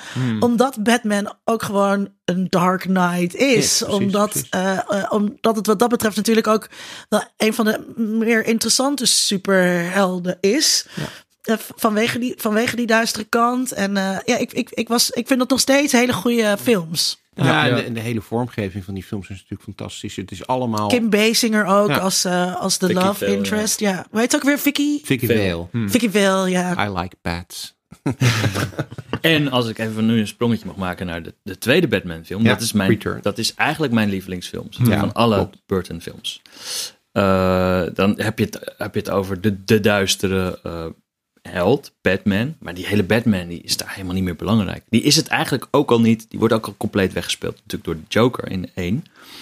Maar als Batman Returns komt, dat is gewoon eigenlijk een film. Jack Nicholson, eh de Joker. Eh, eh, sorry, Jack Nicholson, ja. Ja. En in, in, in eh, twee gaat het natuurlijk... Ja, dan het hele Batman-verhaal is al verteld.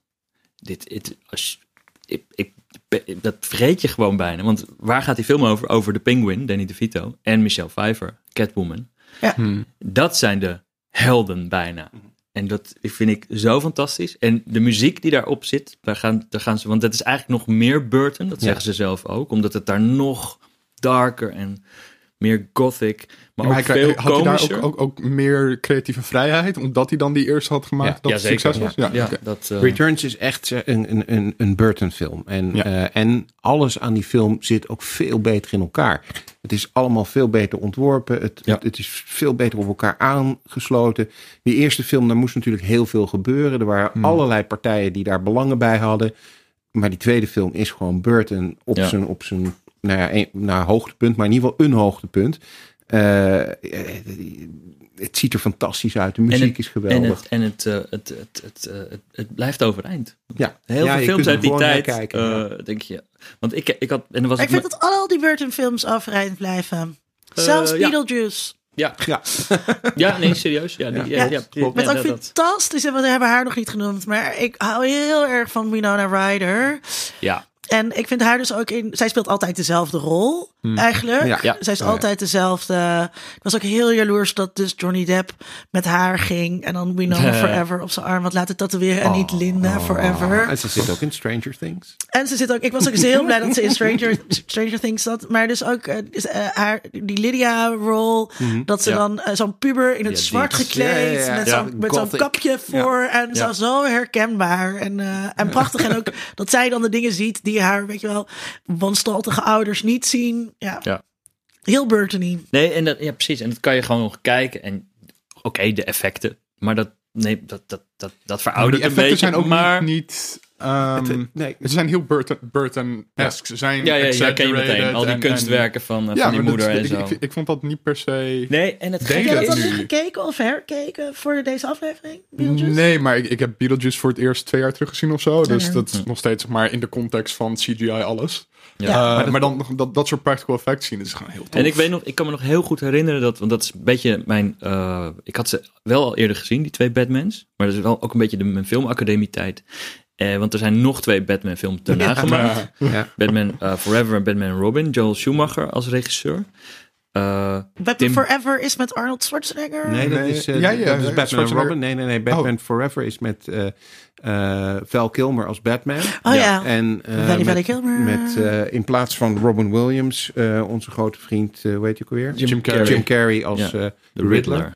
Ja, nee, dat is... eh, Het, en ik, was me, ik was me daar al heel bewust dat Toen werd het te cartoonesk. Nou, de grap Ja. is die, die ehm, eh, de, de, de art direction, de decors Ja. en de eh, van, van Batman en Batman Returns is nog allemaal miniatuur. Daar is eigenlijk mijn, ik wil in, ik moet in de film werken begonnen. Ja? Ja, want ik zag dat en al die pinguïnnetjes die in een, in een decoortje werden geschilderd of gekleid en neergezet. eh, al dat, eh, ja, dat heet dan eh, eh, in, ca- in camera, gewoon practical effects. Dat het echt op de set is het er. Dus ook geen green screens en geen wat tegenwoordig er is. En dat vond ik zo mooi. En dan, je zag, je zag het.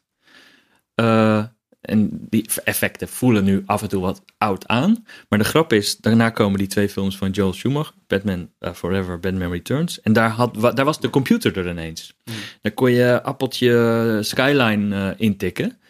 En eh, ja, dan, eigenlijk wat het probleem is, vind ik altijd van, van die effectfilms. Ja. Van, oh, we hebben heel veel effecten. Alles kan. Je, je hoeft je nergens meer over te verbazen, want alles kan.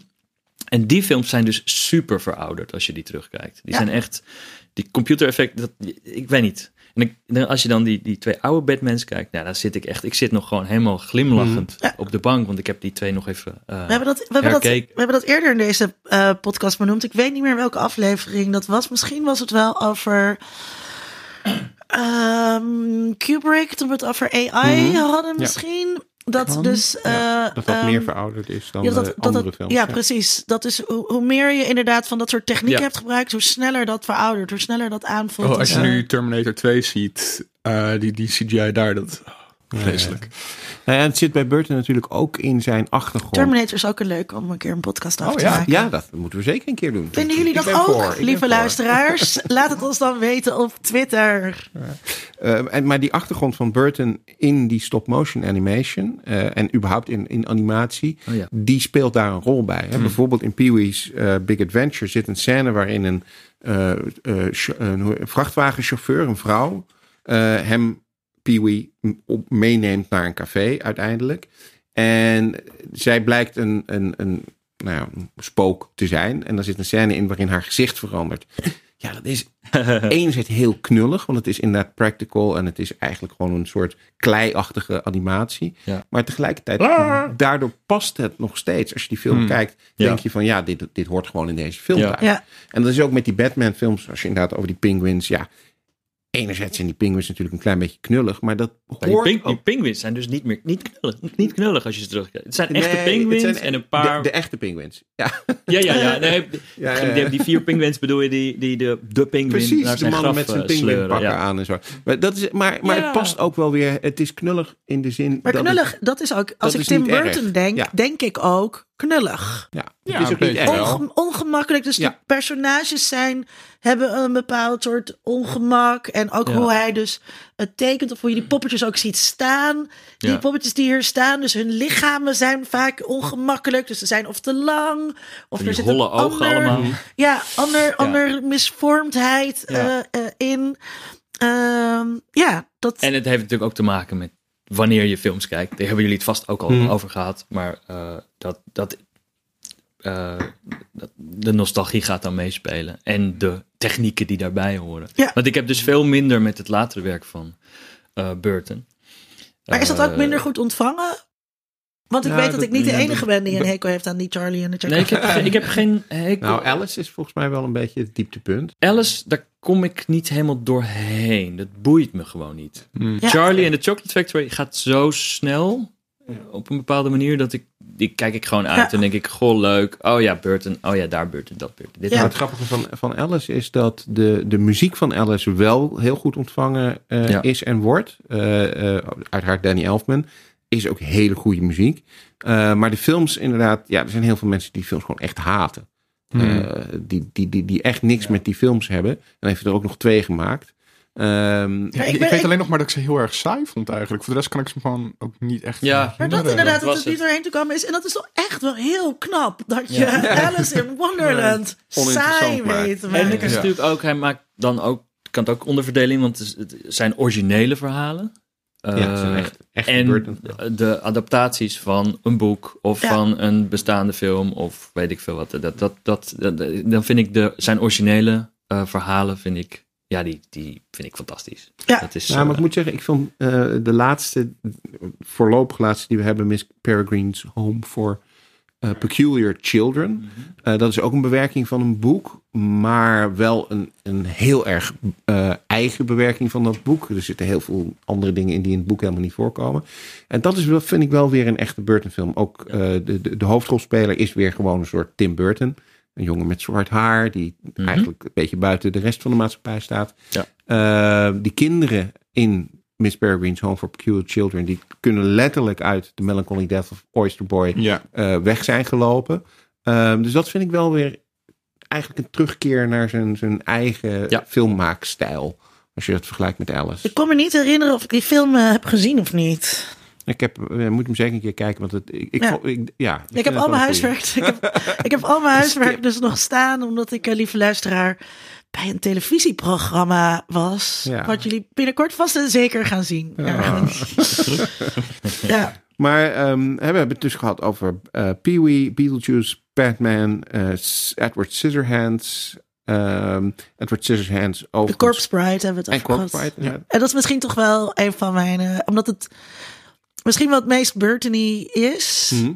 Eh, ja, vind ik wel echt. En, en ook heel erg leuk. Ja, ja, heel ja. mooi en heel lieflijk en knullig en leuk. Ja, volgens, heb- volgens mij is dat ook echt de, de eerste Burton-film die ik ooit echt gezien, eh, gezien heb. Tenminste, dat ik bewust naar een Burton-film Oh, ja, aan het kijken was. Burton. Ja, precies. Ehm, anders dan, bijvoorbeeld, ik- volgens mij had ik eh Nightmare Before Christmas Mhm. daarvoor al best wel een keertje gezien. Maar dat was dan niet een Burton-film. Dat is gewoon, oh, die ene gekke Halloween-kerstfilm. Ja, ja, ja, ja, Right? klopt. Ehm, Dat is ook wel leuk inderdaad, dat er zo'n moment is dat je je realiseert dat er regisseurs zijn. ja, ik En denk dat dat die ik 13 of een- 14 was of Ja, zo. dat die ik een oeuvre ja. hebben. Ja. Ja. En dat je dan Ja. een film kunt herkennen aan de regisseur. Ja. Dat is wel grappig, want Burton heeft ook een film over een regisseur gemaakt. En dat is Ed, Ed Wood, Mm. waar we het net al even over hadden. Eh, ik kan me nog herinneren, ik studeerde toen in Leiden en ik had een, een goede vriend die enorm Ed Wood fan eh, was. Dus die was helemaal eh, hyped dat, er de, dat, dat ook die film... De originele films van Van de originele Edward Wood, films, dus ja? Plan 9 from. Outer Space en, en dat soort Ja. films. Ehm, ja, er zijn mensen die daar fan van zijn. Ik, ik word heel sceptisch gekeken hier. Ehm, maar ehm, eh, ja, en dan krijg je dus de film Ed Wood. En dat, dat is ook toch wel weer een hele eh, bijzondere film. Het is zwart-wit. Het is eh, helemaal in de stijl van Ed Wood. Over knullig eh, gesproken. Dat is bewust heel knullig. Ehm, en het knappe vind ik dat er in, in dat verhaal van Ed Wood eh, eh, een verwevenheid zit met het eigen verhaal van Tim Burton. De relatie van Ed Wood met Bella Lugosi en het, meenemen in die films. Dat Ja. lijkt natuurlijk heel erg op de relatie van Tim Burton met bijvoorbeeld Vincent Price, maar ook met andere acteurs, waar hij de hele tijd mee ja. Ehm, ja, en eh, de film die hij daarna maakt is gewoon een Ed Wood film. Dat is namelijk Mars Attacks. Ja, ja, ja, helemaal. Die vond ik heel leuk. Ja. Dank u wel. Ja, niet iedereen vindt eh Nee, Mars Attacks ik. leuk, Maar, maar, ik, eh, ik, eh, ik weet niet. hoe heet dat instrument ook alweer? Een theramin. Ja, moet je even je- uitleggen. Hoe kan je Mars Attacks... Dat vind je niet leuk? Jawel, ja. Oh, oké. Ja, ja, oh, dat vind ik dus zeggen. Dat vind ik eh, van... Wat maakt het allemaal uit? We gaan deze film maken. En we Ja. hebben een hoop lol. En, We come in peace, we come in peace. Ja, why don't- can we just get along? het is, eh, ja, nee, het is, eh, het is, nee, ik hou daar, eh, ik, ik, ik, ik, vond het, ik vond het prima. Dit is- Maar dat, dit dat instrument moet je even vertellen, want dat is... dat is een, eh, een, een theremin, eh, werd gebruikt in de oude horror, de, de Hammer, de, de, de horrorfilms. Dat is, de, dat is, ja, ik kan het moeilijk niet meer. Ja, ja, Ja, ja, ja. Maar dan een elektronisch instrument. en, Eh, en- en- het en is je- het enige instrument, als ik het goed heb begrepen, dat je bespeelt zonder het aan te raken. Correct. Het is een, het is, eh, eh, het is, het is een doos met twee prikkers eruit. En, de een, en je linkerhand zit bij de ene en je rechterhand bij de andere prikker. En de linkerkant zorgt ervoor dat het hard en zacht gaat. Dus de toon. En de rechterhand zorgt voor de toonhoogte. Dus dan, als je het bespeelt, ja, dat zien, zien de luisteraars natuurlijk niet. Maar dan, dat ziet er zo uit. Eh, en je raakt het instrument dus niet aan. Eh, eh, en het is op een Bart gegeven deed nu een soort zwiepende beweging. Het is een met beetje, de ene hand iets hoger dan de de- andere. wat Donald Trump doet als hij Oh, praat. ja, ja, ja. Dat. Ja. Maar dan staat er dus een Maar dan apparaat. moet, dan, dan, moeten we, dan moet iemand een YouTube-filmpje van maken van Donald Trump met een... er is een filmpje dat hij een, een bandoneon al in Oh, zijn ja, hand heeft. Ehm, en dat zat heel veel in die oude horrorfilms. En dat, dat omdat het zo'n verwijzing is naar die pulp uit eh, een beetje 60s, maar ook Ja. de oude, er zit het instrument erin. Wat trouwens eh, grappig is, eh, het zit er niet heel erg in.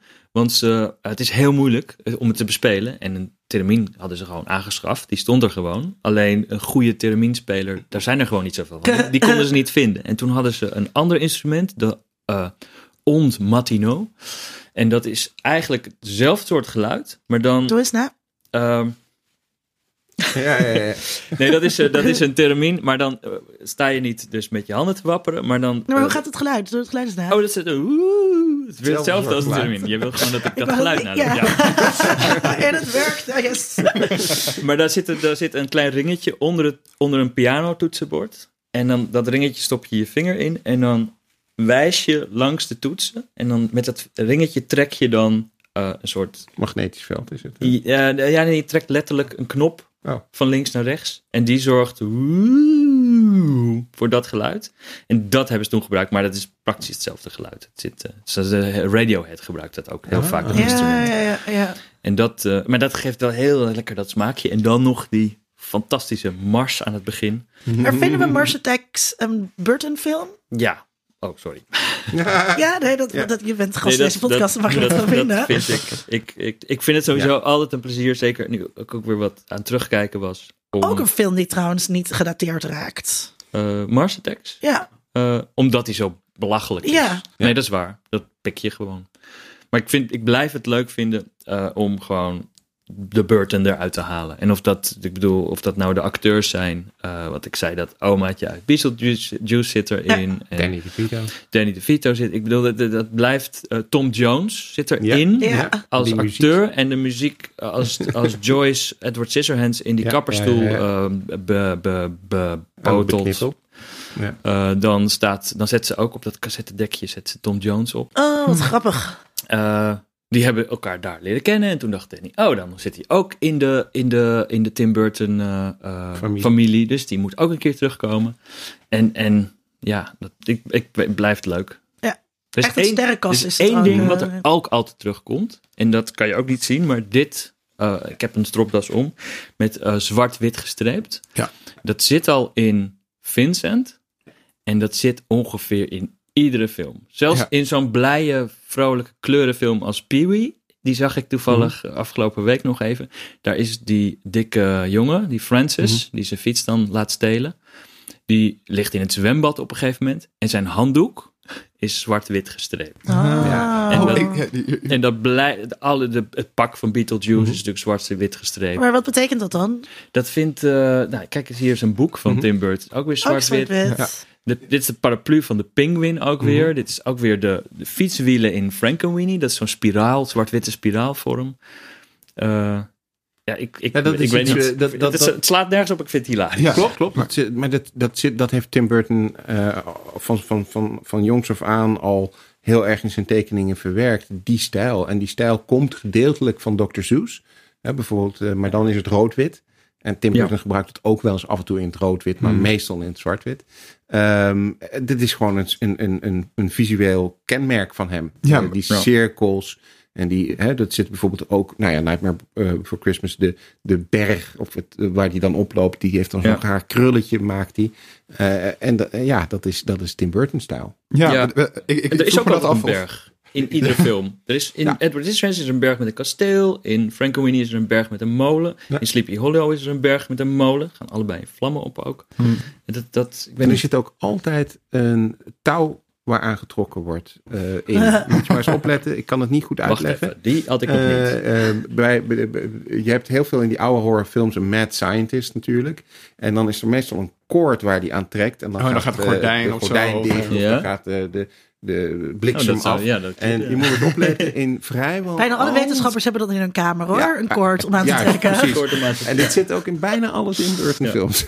Maar eh, even terug naar dat patroontje. Ik vraag me af of dit ook in de jaren 80 zal het niet zo zijn, maar ik weet niet in de jaren 90.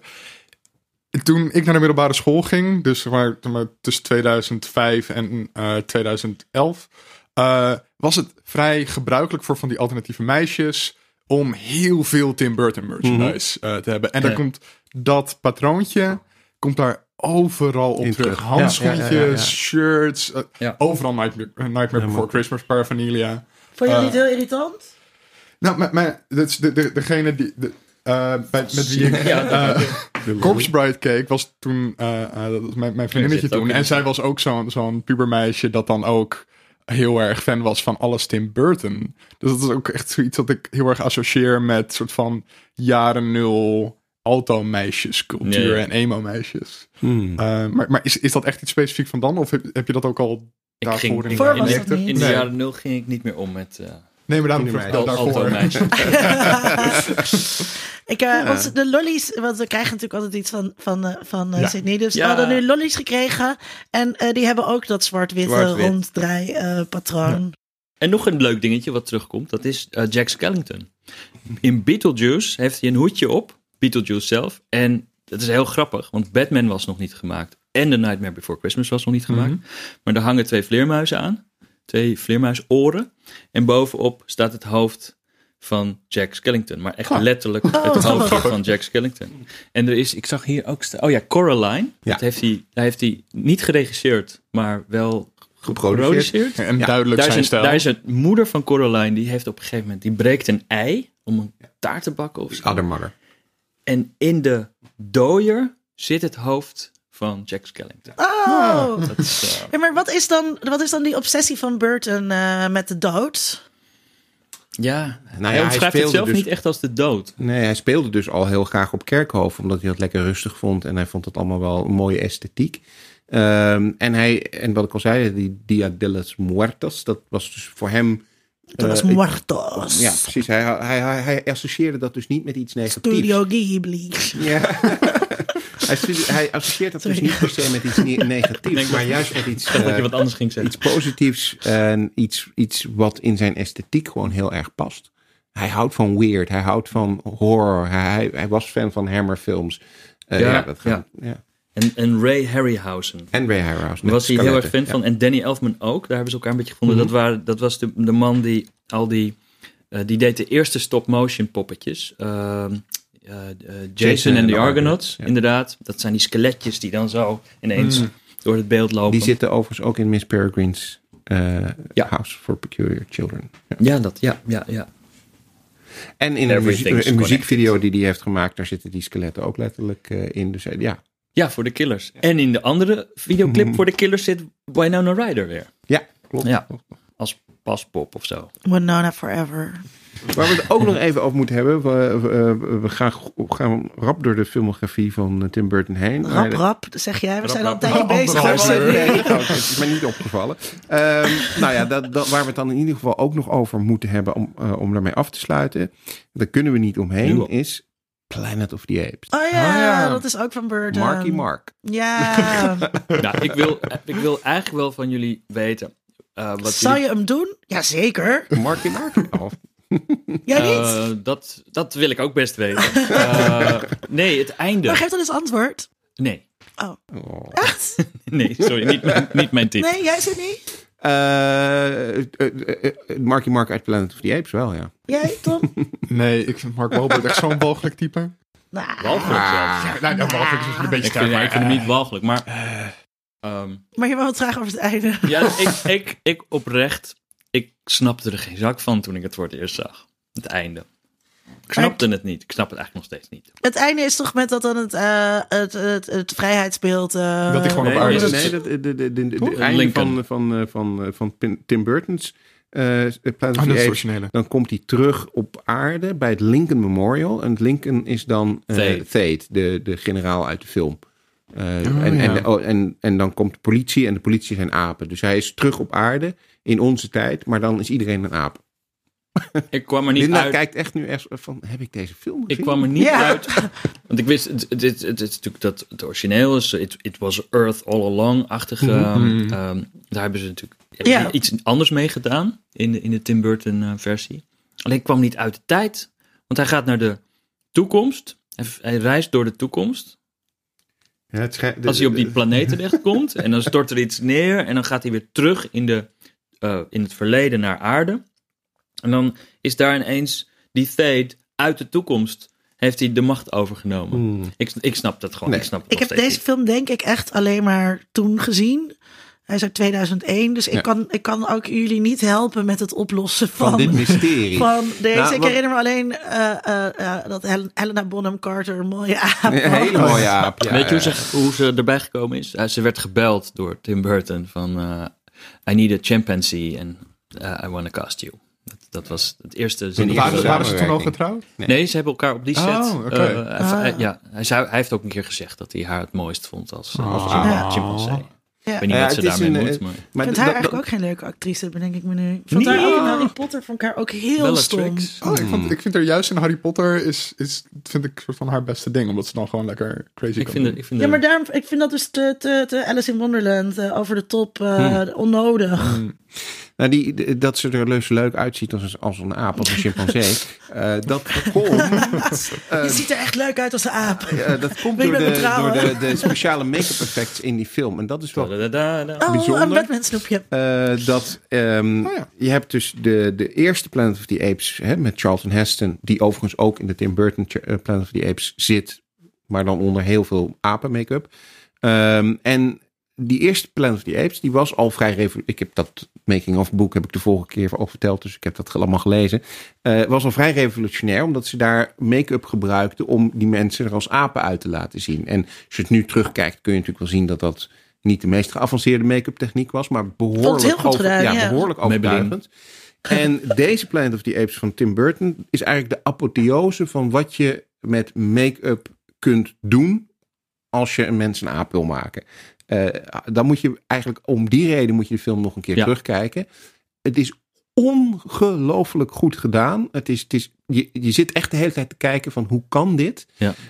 En de volgende stap, en dat is dus ook echt de volgende stap, is gewoon CGI. Dat is wat we nu met de Planet of the Apes Ja. zien. Motion capture, eh Andy Serkis die een, Ja. een, een, een, een chimpansee speelt. Dat is het enige wat je nog kan doen boven wat Tim Burton in deze film heeft laten zien. En wat vind je dan fijner of is, beter? dat- Ja. Ik vind deze, ja, dat is heel moeilijk te zeggen. Ik vind Planet of the Apes van Tim Burton zeker niet zijn beste film, om het maar even zo te zeggen. Maar er wordt eh, met die make-up en, en bijvoorbeeld door Tim Roth, die dus de eh Thade Thade. spe- speelt, wel ongelooflijk goed geacteerd. Het ziet er heel overtuigend eh, eh, uit. Wat ik minder vind is dat de hele tijd heen en weer, dat ze, dat ze, Slingeren. zijn apen, dus ze gaan slingeren en springen en dat soort dingen. Dat, dat hoeft voor mij niet zo. Bart doet het nu even na. ja, hoe, een aap slingert, maar dan als, als een mens die een aap... Wat ziet eruit als een mens die een aap na Ja, maar dat was, dat was ook Burton. hè. Die wilde dat iedereen heel gek liep Ja. op, die, op, de, Zo, ja. op de set. Maar ik vind die, ik vind eh, eh, die eh, Anthony eh Circus Mhm. CGI vind ik ook heel goed, omdat het dus wel, eh, omdat je daar zijn acteerwerk wel echt Ja. heel goed in Mm, ja. terugziet. Maar dat is, dat, dat, ik denk ook dat deze film heeft laten zien dat dat, dat de enige logische stap Ja. is als je zulke soort films wil maken. Want anders krijg je dus dit wat je, wat, je, wat je nu hebt. Nogmaals, het ziet er qua make-up fantastisch uit. Maar ja, je moet, je moet een, een, een computeranimatie maken om de volgende stap te zetten. Ja. Eh, maar ja, goed, eh, Planet of the Apes eh, was toen al bedoeld als een reboot van de, van de franchise. Dat is niet helemaal gelukt. Daar hebben we even op moeten wachten. Ja. Ik begrijp hieruit dat niemand mij het einde uit kan leggen. Nou, het Nee. einde. eh, nee, nee, nee. Nee, Tim Burton zelfs, eh, die op de eh, commentary van de. als je de Blu-ray kijkt. Die, die wil dat ook niet uitleggen. Want hij heeft dat heel erg bewust zo gedaan. Zodat je nog een vervolg zou kunnen maken. ja. Maar wat hij precies bedoelt. Oh, dat, eh, Dus was ja. er van de volgende regisseur zoek het ja, uit. ja, precies. Next. luck, bye bye. Ja, nou, ja, dan hebben we volgens mij het meeste wel gehad. Behalve eh, Sweeney Todd hebben we heel even aangestipt. Sweeney Todd. Mooi. eh, Goeie eh, musical. Ja, fantastische musical van Steven Sondheim. Mooie sets. Eh, en inderdaad, eh, de bewerking van Tim Burton ziet er fantastisch uit. Eh, het opvallende is dat bijvoorbeeld de, de, de barbierskamer van Sweeney. eh, dat is typisch een, een Tim Burton kamer. Dat lijkt op de kamer Hmm. van Edward Scissorhands. Het lijkt op Ja. een aantal andere kamers die je in Tim Burton films terug ziet. En Waar eh, ja, perspectief inderdaad. ja, ja, dat is dat eh, de Duitse impressionisme. eh, Ja. ja. Ja. precies. Wat Tom zei. Precies. En ehm, wat, ik, wat ik heel knap vind, is dat. Ja, kijk, Sweeney Todd is een bekende musical. Iedereen, of nou niet iedereen, maar een heleboel mensen kennen Sweeney Todd, hebben dat ook gezien. En Tim Burton weet daar toch een Tim Burton film van te maken. De, he- alles alles Ja. ziet eruit als Tim Burton. Dat, dat, vind ik wel, dat vind ik heel knap Ja. gedaan. Jullie zijn niet zo onder de indruk van Sweeney Todd. Jawel, jawel. Ik ben... Ik eh, weinig aan toe te voegen. ik, ik, nee, ik vond, ik vond het een mooie film. Ja, Mooi nee, ik zat te denken, ja nee, stop er Johnny Depp en Helena Bonham Carter Dan in. En, een- eh, dan ja, ben je al ja, Tim Burton film natuurlijk. Maar, Ja. eh, nee, maar dat is flauw. Maar is dat Nee, dus niet, wat- want wat, vind- wat vinden jullie daar dan van? Want dat is, gaat op een gegeven moment mij dus, is mij dus wel tegen gaan staan. Ook. nee, heb ik geen problemen mee. Niet. Wat met de constante Johnny Depp met een laag make-up. eh, Ja, ja, maar dat is ook omdat Johnny Depp me gewoon meer tegen is gaan staan. Hmm. Nee, En Sweeney Todd is wel echt zo'n film waar ik nog naar terug kan komen zonder me aan hem te ergeren. Omdat hij daar niet een typetje met make-up op doet dat hij Ja, in twintig ja, ja. andere films doet. ja. Maar hij zit niet in Dumbo. Dumbo hebben we wel weer eh, eh, Michael Keaton. Ja, ja. weet je niet. toch? Misschien is Johnny Depp wel Dumbo. Ja, dat, dat is waar. Ja, Ja, nou. dat- Nee, Wat iets met zou Harry ik wel Potter aan het einde van de film. Een olifant met, Jo- met Johnny Depp's gezicht. Oh. Oh. Ik vind het een beetje Ik freak, Johnny Depp freakish. van met een slur. Ik, eh, ik, eh, ik Ben er ben, eh, ik- Johnny ik Depp ben en erg benieuwd. Het wordt natuurlijk een CGI-olifant. Ja. Slurf Dat wel. Ja. Zijn we al aan het einde Ik van denk wat we over de Tim Burton titel, wilden de titel zeggen? hebben. Nee. De slurf van Johnny Depp. Ik kan, nog, ik kan nog echt drie keer zo lang door. Maar, maar Bart, misschien wil jij dan jouw gedicht nu nog voordragen? Mijn gedicht. Ja, Oh, precies. uit de bundel. Ja, ik zei dat ik het vroeger erg leek op eh, Staring Girl. Dat is omdat ik helemaal niks zei, alleen maar een beetje om me heen keek. I once knew a girl who would just stand there and stare at anyone or anything she seemed not to care. She'd stare at the ground, she'd stare at the sky, she'd stare at, your, uh, at you for hours and you'd never know why. But after winning the local staring contest, she finally gave her eyes a well-deserved rest.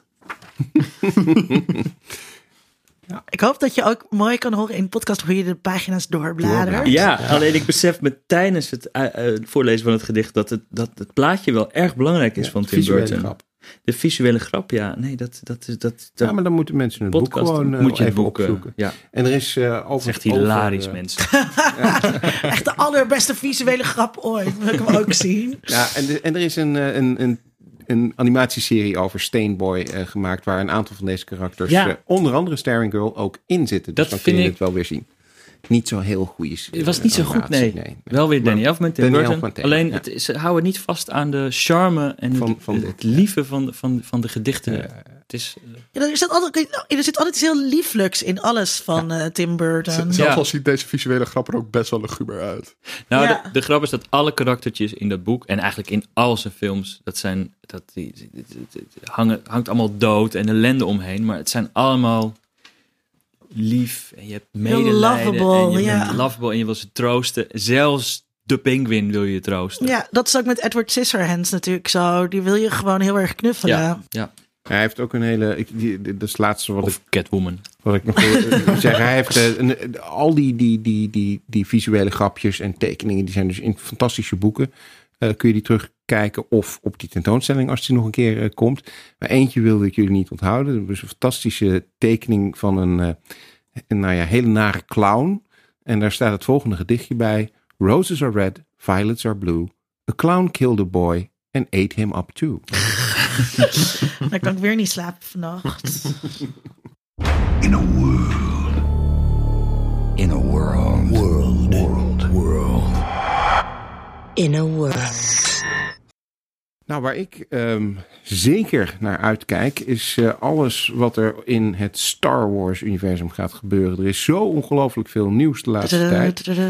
We hebben ehm, Diego de la Luna, die, eh, gaat, eh, die speelt Cassian Andor in de Star Wars-series. En die gaat nu ook in een televisieserie op de Disney Streaming Channel, de nieuwe Netflix, maar dan van, van Disney, gaat hij die rol eh, hervatten. Eh, daarnaast hadden we al eerder een keer over The Mandalorian en eh, wat daar allemaal eh, gaat gebeuren. En deze week werd bekend dat in de, nou ja, we wisten al dat in de Disney parken, Disneyland en Disney World er een Star Wars land komt. Dat heet Galaxy's Edge. Dat wordt een immersive experience, zoals zij dat noemen. Dus het idee is, je gaat echt daar naar binnen en je, je, je dompelt je helemaal in de Star Wars wereld onder. Het is het idee dat je niet meer doorhebt dat je in een attractiepark bent. Nou, Immer- immersieve ervaringen Immersieve zijn ontzettend in. in.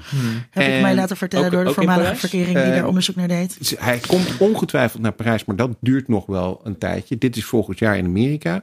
Eh, er is bijvoorbeeld een hotel. Als je dat hotel instapt, dan ga je eh, op het moment dat je zeg maar, nou ja, normaal gesproken in de lobby instapt, ga je dan zogenaamd in een shuttle en word je vervoerd naar een, eh, een, een ruimtestation. En alle, alle, er zijn geen ramen waar je naar buiten kan kijken. Maar, Maar is het dan allemaal met VR of ja, wat? ja, maar allemaal met. Maar dan met kom ik dus in de lobby en de lobby en dan krijg ik zo'n ding op mijn hoofd gezet en dan loop Nee, ik nee, een nee, beetje als een nee, soort zombie. Nee, het is meer, je moet je voorstellen dat het, dat het wat het normaal een raam zou zijn, is dan gewoon een 4K heel groot beeldscherm. Waarbij je dus naar buiten maar als je zegt dat ik van de lobby, dat ik in, de, in een ruimteschip Ja. naar een planeet word meegenomen. Ja, hoe ze het precies gaan doen, dat weet ik dan weer niet. Maar eh, er zijn een paar filmpjes inmiddels eh, gereleased door, door, door Disney, waarbij je dus in ieder geval een paar van de attracties kunt zien. Dat ziet er spectaculair uit. En misschien wat het allergaafste is dat John Williams gewoon een score heeft geschreven voor, Voor de attractie. voor, voor de Disney eh, ex- Experience, voor Galaxy's Edge. Oh, Ik verheug me op eh, dit eh, geeky dingen uitje. Ja, we gaan nou, dat hebben gaan we zeker hier naartoe Dan gaan we op natuurlijk. locatie een aflevering Mee, ik opnemen. mee? Ja, mee? dat mag, Ja, dat maar mag. dat mag. Eh, ja, eh, ik kijk heel erg uit. nou, ik, ik, ik- of ik er naar uitkijk, weet ik niet. Ik heb er gemixte gevoelens over. Eh, de eerste trailer voor de allereerste live-action Pokémon film is er. En ik, ik ben heel erg opgegroeid met Pokémon en heb heel veel die spelletjes gespeeld vroeger. En ik had ook een hele grote Pikachu-knuffel Mhm. naast mijn bed. En de film wordt Detective Wat bedoel je, Pikachu. had? Die staat er toch nog steeds? Nou, ik weet eigenlijk niet waar die is. Ik weet niet of hij die weggegooid heeft. Oh. Um, nou, anyway. Um, er, komt, eh, er komt een film en die heet Detective Pikachu. En dat is met een pratende Pikachu. Eh wiens stem ingesproken wordt door Ryan Reynolds. Mhm. Wat een beetje gek is, want die Deadpool. associeer je nu natuurlijk Deadpool. vooral met Deadpool.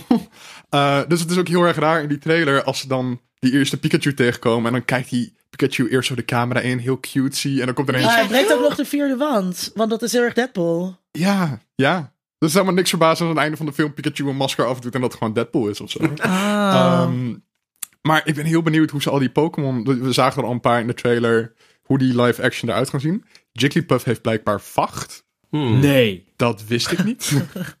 Ehm, maar ja, da- daardoor werd ik wel een soort van heel erg nostalgisch voor Pokémon. En had ik bijna een Nintendo Switch gekocht. Omdat daar een nieuwe Pokémon game voor Ja, uit is. ja. Ehm, heb ik toch niet gedaan. Het is wel fantastisch. Je ziet nu dus overal al, al memes en zo verschijnen met deze nieuwe Pokémon. En hoe eng ze eigenlijk wel niet zijn. Ja, Ja, vooral Jigglypuff ja. met vacht. ja precies. Wat niet oké is. Ehm, behalve natuurlijk Dumbo en eh, The Witcher. ehm, kijk ik heel erg uit naar dat ik het volgend jaar heel druk krijg. Dat ik zelf heel veel hopelijk ga eh, eh, toevoegen aan het eh, geeky-universum. En ja, ik mag er helaas nog niks over zeggen. Maar er Oeh. hangt iets in de lucht. Eh, nog niet 100% zeker. Maar iets, eh, nou laat ik zeggen, met vampieren. Oeh. En eh, daar heb ik heel veel zin in. Sexy. Eh, weet ik niet. Vampieren zijn sexy. Denk vampier, denk je sexy. Eric, the Vampire, True Blood, Tom Cruise, super sexy. Brad Pitt. Brad Pitt, Tom Cruise was ik even kwijt. Dat dat ook een vampier was. Dat is verraad. Nosferatu. Ja. Heel sexy. En Nosferatu Ja. werd gespeeld trouwens door Max Schreck. En dat is weer de naam van Christopher Walken in Batman Returns. Nou. En, en, en, en, en zijn eh, image in, in Batman Returns komt weer letterlijk uit Metropolis. Ja, natuurlijk. Ja, ja, ja, ja, ja. En zo kunnen we Mm, zo uren we doorgaan. doorgaan. Uren doorgaan. Ehm, ik kijk uit eh, naar een nieuw seizoen uh, Lemony Snicket, a series of unfortunate events. Wat eigenlijk ook wel een beetje Ja, Burton-y, ja. Kan ik je eh, vertellen dat is- Bo Welsh, de production designer van Ah, kijk. Edward Scissorhands, is ook de production designer van... Nou, wat een En- verhaal. En, en, en eh, Catherine O'Hara, waar ik het eerder over had, ja. eh, de moeder in Beetlejuice eh, en de stem van Sally in Nightmare Before- Before Christmas, die was ook de optometrist in seizoen 2. Ja, kijk. Het is één groot En ze is dus getrouwd met Bo Welsh, Ja. De production designer. En daarom ziet het eruit als Burton. En eh, ik, ik, ik weet ook wanneer het uitkomt. Sydney, help me even. Januari. In januari. ja. Op Netflix. ja. En ik kijk, jij kijkt uit naar dat je het heel druk gaat hebben. Ik, kijk, ik, ik ben echt zo toe aan wat minder druk hebben. Dat ik eindelijk weer wat meer... eh, ik heb een hele lijsten liggen met dingen die ik moet Die kijken. kijken. Ja, same.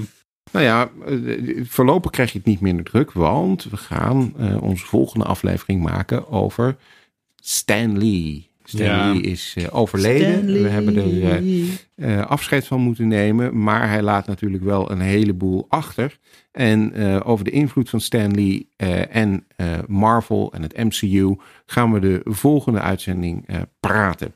Ehm, tot die tijd, als je ons wil laten weten hoe leuk je onze aflevering vond, eh, of eh, hoe stom je eh, mij vindt, dan mag je alles. Nou, wat is dat nou, Sydney? Ja, ik, kreeg wat, dit vandaan? Nou Heb je ja, vandaag precies. wat haat over je heen Ik kreeg gekregen? wat haat over me heen, inderdaad. Nee, maar als je eh, wat reacties wil Stuur wat achterlaten, liefde dan naar kun je- Sydney dus. Ja, dan kun je eh Bijvoorbeeld in de vorm van leuke Star Wars gifjes. bijvoorbeeld Of Ja. Tim Burton gifjes. Maar stuur een leuk gifje aan Oh. Sydney, advocaatsmeets op Twitter.